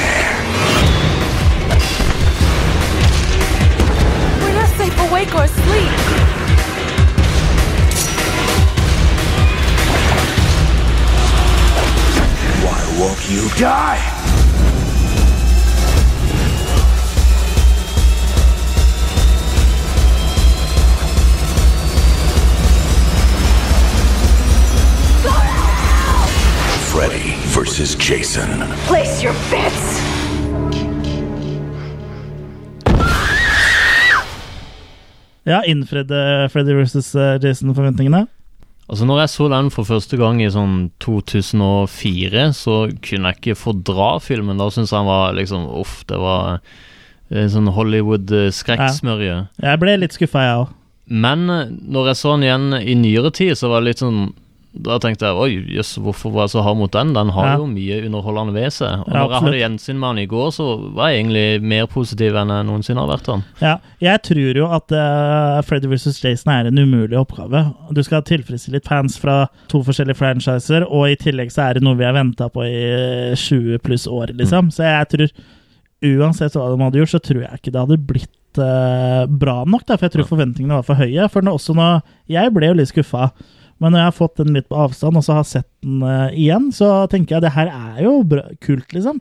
Jeg tror, ikke, jeg tror egentlig ikke det kunne vært gjort så mye bedre, egentlig. Nei, det, det er liksom vanskelig å altså, Du skal jo kombinere to ganske forskjellige franchiser. Og, Ja, og det er sånn Hvis den skulle stått på egne bein, Freddy versus Jason, som en film, så hadde det jo bare vært helt absurd, men det er liksom Ja, du må jo liksom eh, Du må jo kunne litt av bakgrunnshistorien eh, til noen av dem, men jeg Ja. føler på en måte at at den står egentlig litt greit på egne bein nå, for eh, du har jo voiceoveren til Freddy i starten, og, og der òg har du masse klipp fra, fra Nei, fra Nightmare Elm Street-filmen, og Nei, jeg, jeg syns ikke den er så gæren, nå som jeg har fått den, eh, fått den litt på avstand og Ja. liksom har sett den igjen i Og han balanserer, han balanserer ganske greit mellom å handle om Jason og Freddy også, for så vidt. Og Mm.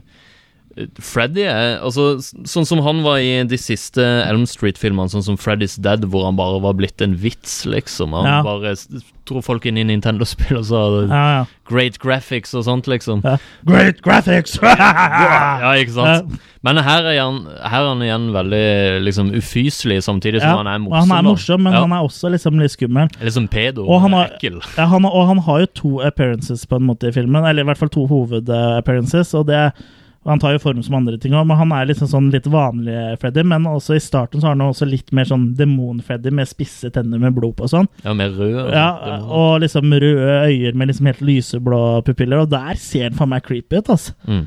Der, og, og liksom skuespillet til Englund og eh, Om ikke annet så er det makeupen til både Freddy og Jason synes jeg er eh, top notch, om ikke det beste i hele serien på Mm. begge franchiser, egentlig. Og, stilen på filmen er også ganske egentlig smooth. Han er veldig Ja, sånn eh, gjennomført. kult lyssatt og eh, bra kameraføring. Mye sånn Og så er det litt sånn elementer der, sånn ild versus vann, da. Mm. Hvor liksom ild er Freddys svake side, og vann er Jasons svake side. Selv om det er en litt stretch, da, i og med at Jason har vært ute på svømmetur ganske mye i fra, fra Crystal Lake til Manhattan, omtrent. Ja, ja. Så, Det er noe han kan. Ja, så han er jo egentlig ikke redd for vann, men liksom jeg skjønner det på en måte. Han drukna jo, det var sånn han døde, så jeg ser litt eh, mellom fingrene på henne, altså. Ja. Men liksom, hvis vi bare skal si kort hva handlinga er, da, så er det jo ungdommene på Elm Street har glemt Freddy. Uh, Og på, for liksom foreldrene til de kidsa har jo gitt de sånne her eh, søvndempende midler, som drømmer jo ikke lenger, og ingen vet hvem Freddy Krueger er lenger. Og da kan ikke Freddy Krueger drepe noen heller, for ingen er redd for han.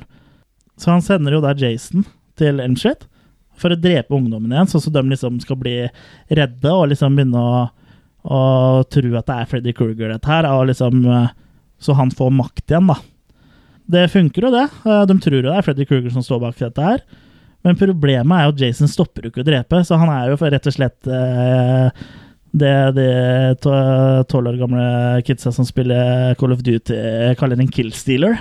Han stjeler jo killsa til Freddy, og da blir Freddy forbanna.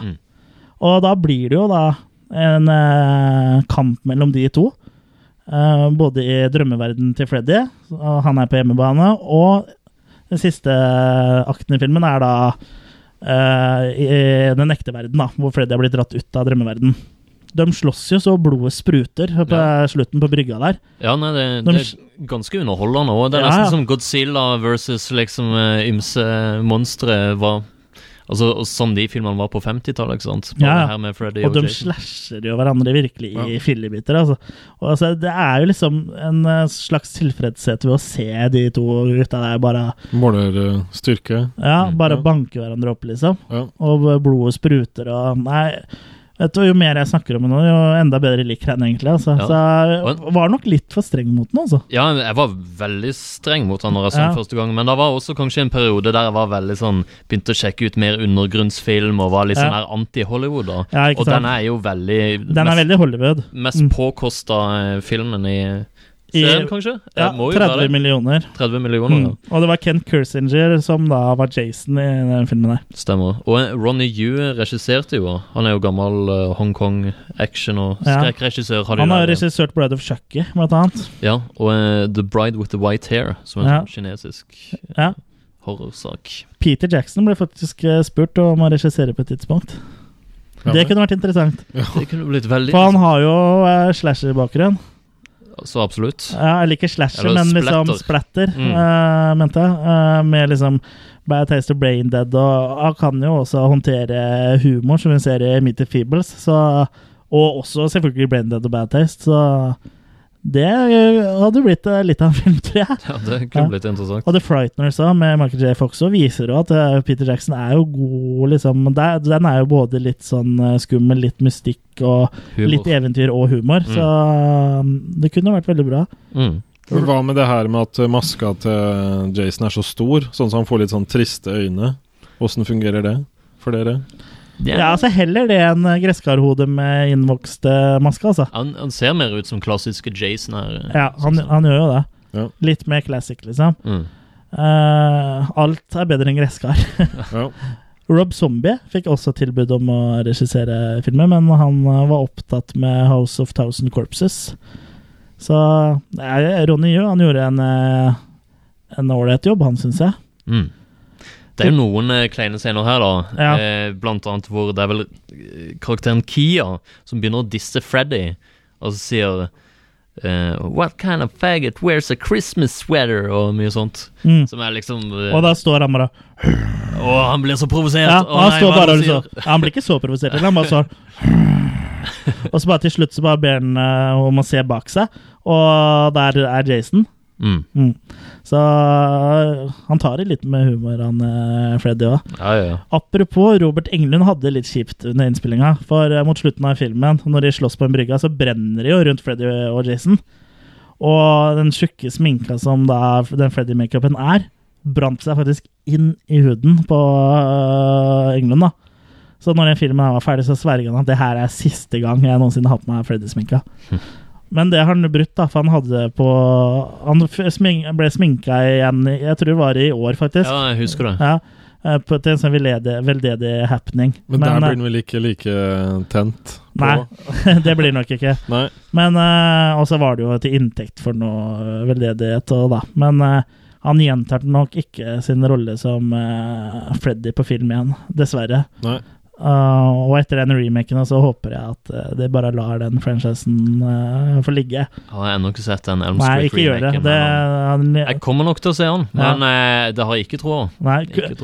Ja, selve filmen har ikke så gæren stemning som en Kruger le- leverer ikke. Det er ikke Kruger, liksom. Mm. Og han ser jo eh, ikke noe skummel ut, eller han ser ut som han han svensken som gikk rundt, dro rundt og holdt foredraget. Han brannskadde Han ser er. brannskadd ut, liksom. For han skal jo ikke bare være en brannskadd mann, han skal jo være, litt- det skal være en demon, dette her òg. Mm. Det er ikke noe skummelt med en som er og har fått brent bort nesa si, liksom. Men sånn som jeg som Med unntak av når det er Michael Jackson, da. men sånn som jeg som begynte med å se remaken, tror jeg, uten å se dem andre først uh, Når jeg bare hadde sett remaken, så syns jeg den var best. Ok.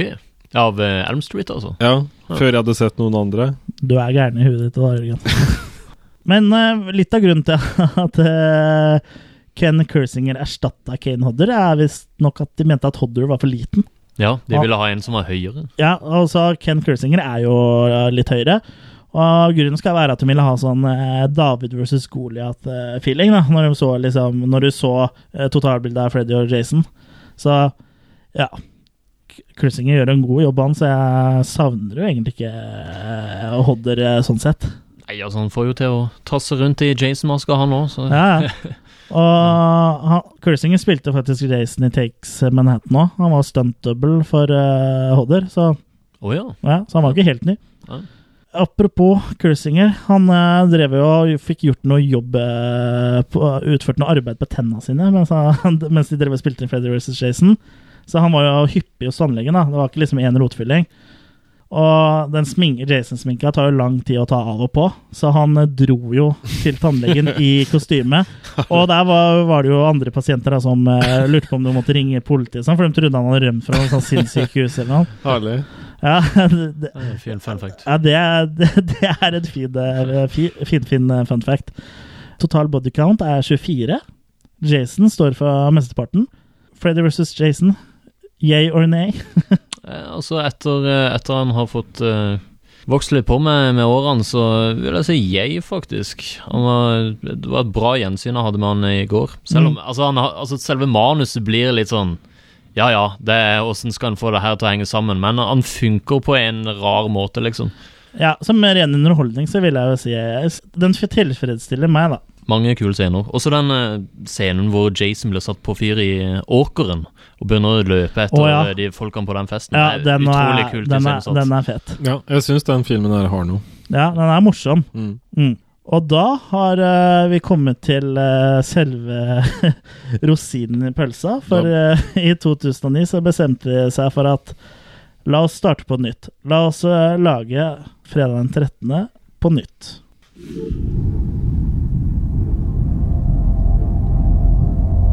Did you know a young boy drowned here? He was my son. And today is his birthday. Yeah, baby. You won't believe my parents' cabin. Here we are. Very nice, huh?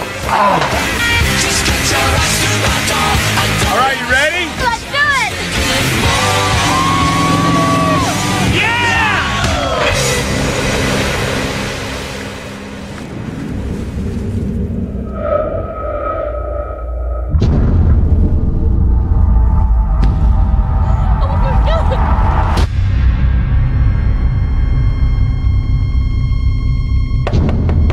Hey, I'm not from around here, but I'm looking for my sister. She's gone missing. Have you seen her? She ain't missing.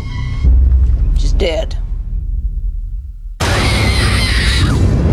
People go missing around here, they're gone for good. We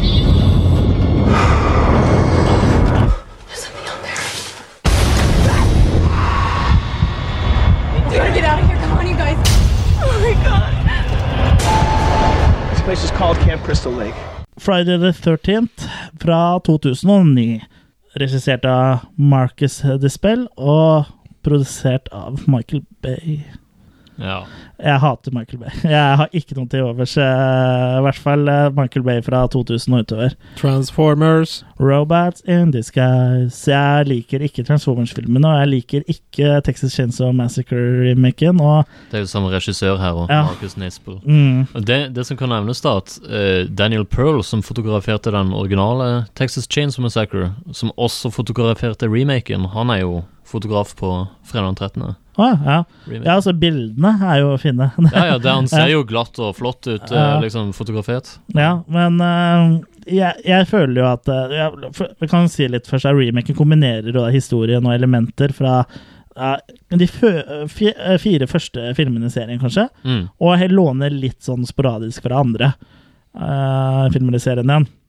Ja, for bare i åpningstekstene så får du på en måte nyinnspilt eneren med mora Ja. som slåss mot Ja, ja. eh, Så- Alice og du, ja. du begynner på en måte på toeren, og han finner jo ganske kjapt den hockeymaska. Mm. Og den nå er liksom måten han finner hockeymaska på, syns jeg er litt uh, lame, altså. For han dreper jo han der hillbillyen, og så bare Å ja, det ligger en maske på gulvet her. Den vil jeg ha. Så den syns jeg er litt uh, Det er ikke noe som skikkelig som payoff på når han finner den maska. Det er bare 'Å ja, der lå den. Da tar jeg den'. Ja. Så. Men uh, mener i en alternativ I den originale scenen om Kjøtt, så satt han og hadde på seg maska, tror jeg, han uh, Weed-fyren. Og så tok han eh, Jason og kutta huet hans og holdt eh, hodet hans igjen og liksom så på maska og tok av, seg, tok av maska fra det hodet og satte den på seg sjøl. Ok. Hvor Det var- mye det var mer så- er- men det var Og sånn den er filma. skulle gå, altså. Ja, den er filma òg. Oh, ja. Så gikk de tilbake for å ta en, eh, en pickup av det her, da. Så jeg liksom bare tenker Det høres jo mye fetere ut det andre. Ja, helt Hvis bare han kutter hue, og så bare Hm, ja, det var litt kult, og så tar han det, istedenfor liksom bare Ja, det ligger noe der. Ja. For jeg tenkte det ligger en pose med hundebæsj her, så han smurte det i fjeset.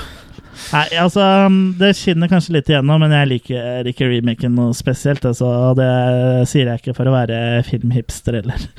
Uh, I hovedrollen så finner vi jo Jared Padalecki, som er kjent fra serien Supernatural, som da leter etter søstera si. Og søstera var jo en, eh, en, del, en del av en gjeng da, som ble drept av Jason. Bortsett fra hun da, for han har tatt vare på hun Angivelig fordi hun ligner på mora, men eh, eh, jeg kjøper ikke den helt, altså.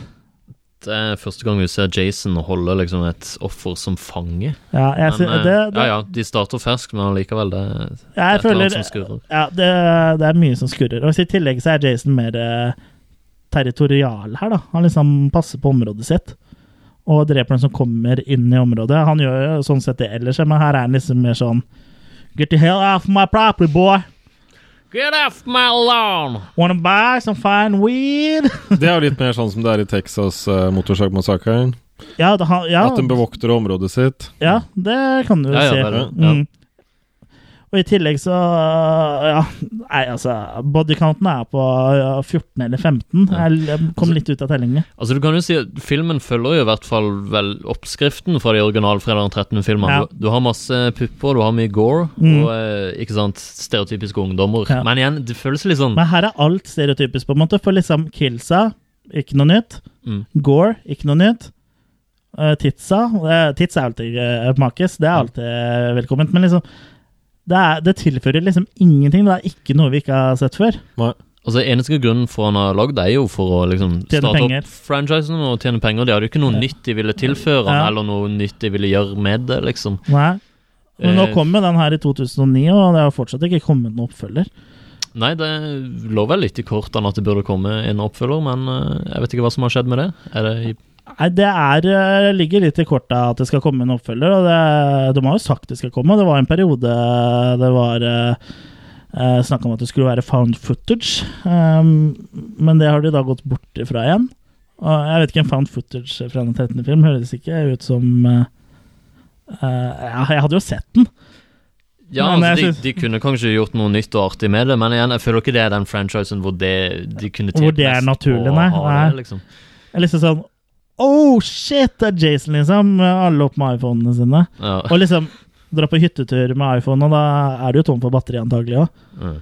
Det er jo fans Du kan jo lade den, da. Ja, det er jo fans som foreslår eh, at det, det kunne vært på en annen årstid også enn Jason. eh, Eller en sånn Ja. 313. At det på Det er vinteren Ja, men det er faktisk ja, det, det- har de faktisk annonsert at eh, Det kommer. Ja, at neste som kommer nå, som da blir Jeg tror det blir en oppfølger til den uh, remaken, skal foregå på vinteren. Ja, Vintersetting tror jeg Ja, faktisk så- kunne vært ganske så, kult. Så det blir på en måte fritt vilt, da. Mm. Ja.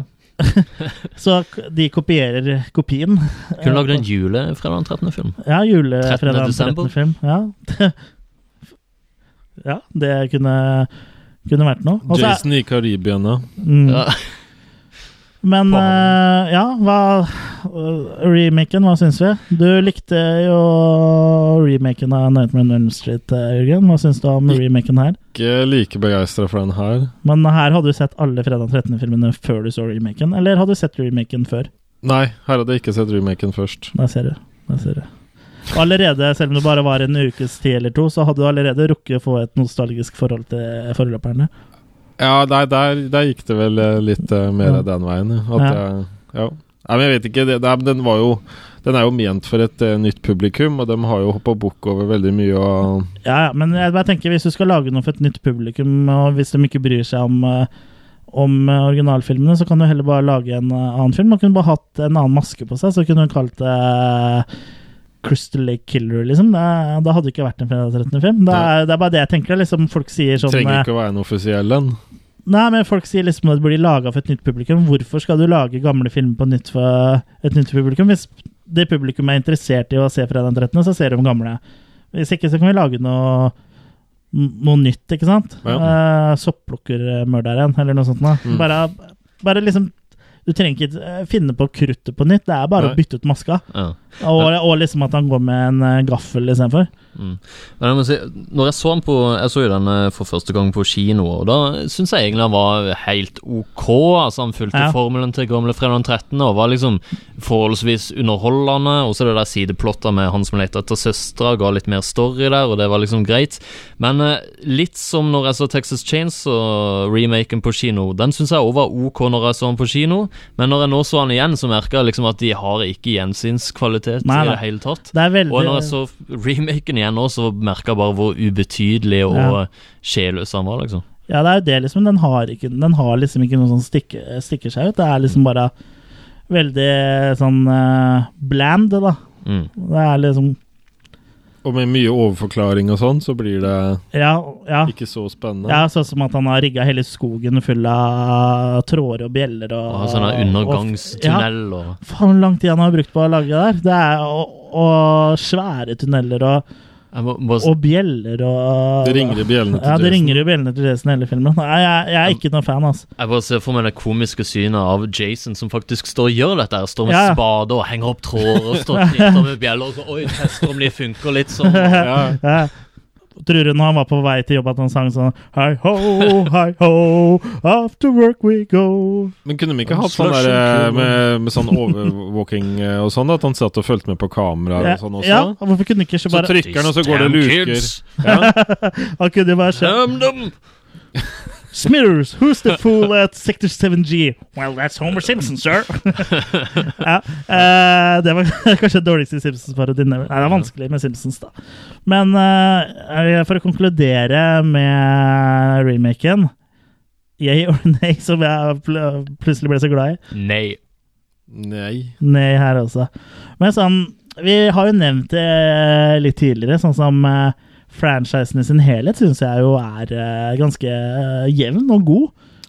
Jeg tror denne franchisen er faktisk den der jeg har sett hver enkelt film eh, flest ganger, sånn sammenligna med f.eks. Halloween og Elm Street-filmene. så har Jeg sett ja. 13 filmer. Jeg er jo veldig Flere. fan av Freddy Krueger, men det er noen av filmene der som du ikke nesten orker å se. altså. Og Halloween nå har jo noen som virkelig går ned i, i jorda, liksom. Mens uh, Ikke at jeg helt vet hva det betyr, men at de er dårlige, da. Uh, mens liksom Fredag 13.-filmene greier i hvert fall å være underholdende, da. Uansett hvor teite de er, så er de liksom i hvert fall eh, kills, da. Ja, og, Og sett bort ifra de siste, så holder de seg veldig mye til sin greie, da. Liksom. Ja. De er veldig sånn jevne, og Mm. kanskje litt for like, da. Det er kanskje problemet med det, at de er veldig repetitive, da. Ja, uh, spesielt på midten her, liksom. Fra ja, treeren og utover. Mm. Eh, men eh, ja, jeg syns jo liksom det er solide filmer, liksom. Og det er jo kanskje mye av grunnen er at de greier å holde stor storyen eh, stra straight, da, og liksom ikke mye dødtid, liksom. Mm. For det, det er det veldig lite av. Ja, fremtida for Jason, som vi var litt inne på, så kommer vi til å se en uh, ny film. Og om det blir found footage, om den foregår på vinteren eller på Hawaii, eller, eller i Hawaii, eller hva som skjer, det, det gjenstår jo å se. Jeg vil se, hvis jeg, det kommer med. jeg vil også se. Jeg kommer nok også til å se Ja. det, men uh, det er jo På TV Norge. På TV Norge. På TV Norge, Ja, du helst. venter til det kommer Ved midnatt. Helst på hytta. Nå er det jo ikke analoge Fem. antenner lenger, men uh, Og Riks-TV, da. ja. Hva med fem? Fem? Ja, Ja, kanal, fem kanaler. Ja, ja, ja, det kunne gått, det. Ja. Uh, men det er jo også rykter om at det skal komme en eh, TV-serie. Ja, det var det snart. En ny. TV-serie. Altså ikke remake av den eh, gamle TV-serien, men at denne TV-serien skal inneholde Jason. Og ja. Åssen skal de gjøre det? Jeg, jeg de vet ikke. ikke. off, altså? Det vet ikke jeg heller. Men jeg vet ikke om noen av dere har sett uh, Harpers Island. Ikke sant? Det er en slasher-serie. Og heldigvis holdt de seg bare til å lage en sesong. Men uh, den følger da slasher-oppskriften, og da er det en morder på en øy, da, hvor folk er for å feire et bryllup. Og han tar liksom en og en, og den er faktisk eh, veldig spennende og veldig bra løst. Så Ja, men Da kan de kanskje kjøre eh, lignende oppskrifter? på- ja, så og anbefaler folk å sjekke ut den. Altså, for hvis de løser det på den måten der eh, Nå ser du jo aldri morderen her. Altså, det her er jo en sånn her mysterie. Liksom bare, å, hvem er det? Liksom, er det han, er det han? Og så er det hint dit og dit og dit. og dit. Så du måtte jo løst det litt annerledes. At, for vi kan ikke ha en uh, fredag 13. slasher-serie uten å se Jason. Vi må ha Jason. Ellers er det Du ser aldri Jason før til siste scene. Å, det var Jason som var morderen hele tida! Så Ja. Men faen, hvorfor har vi ikke sett den? Ja, For en overraskelse at Jason er morderen i fredag 13.-serien. Ja. Men uansett, film eller serie, så er det jo helt sikkert at vi får se mer av han. Og det er jeg overbevist om. Uh, og med det så har vi vel egentlig ikke så veldig mye mer å, å si om uh, fredag 13.-filmen, da. Eh, vi har kanskje sagt nok. Det, Det har vært en lang eh, reise. det har vært en lang, lang reise. Fått sagt det essensielle. Så, ja, absolutt. Fram til neste episode så må dere jo følge med på nettsidene våre, for vi er jo fortsatt i slashvember. Det er jo masse anmeldelser eh, og, og godsaker som ligger ute der. Og så er det jo også å følge oss på Instagram og Twitter. Vi kommer, kommer vel med sånn tweet en gang i halvåret, så det lønner seg å følge med. Ja, Jeg får jo skamløst promotere litt for Filmjunkie nå. Det må du få lov til. Ja, For de som ikke fikk med seg skrekkfilmtipsene vi hadde nå eh, like før halloween, så Mm. kan dere se de på filmjunkiene.montagis.no, altså montasj.no, Mm. eh, der vi har da en blogg. Eller dere kan bare gå inn på YouTube og søke de opp der. Gjør det. Det er veldig, veldig artig å se de filmtipsa deres, Også. Ja, nei takk. Og anmeldelsen kom, også. kommer nok mer etter hvert nå som uh, Ivar også bor i Oslo, så nå er vi stasjonert i samme by. Så da blir det nok mer produktivitet fra filmjunkene-fronten. Dere er ikke samboere? Nei, det er vi ikke. Vi er ikke så uh, j uh, hardcore junkies. Nei. Men da er det bare å minne folk på å høre på oss neste gang, for da skal vi snakke om eh, julefilmer. Og da tar jo også du turen, eh, Alex. Det ble, da tar jeg også turen, ja. Og Ja. Da blir det noen crazy jule-B-filmer vi skal snakke om, altså. Ja, så Mye skrekk. Juleskrekk. juleskrekk. Så følg med oss neste gang for å få noen uh, gørrgode julefilmtips. Så fram til, uh, til da, ha det bra! Ha det! Ha det bra!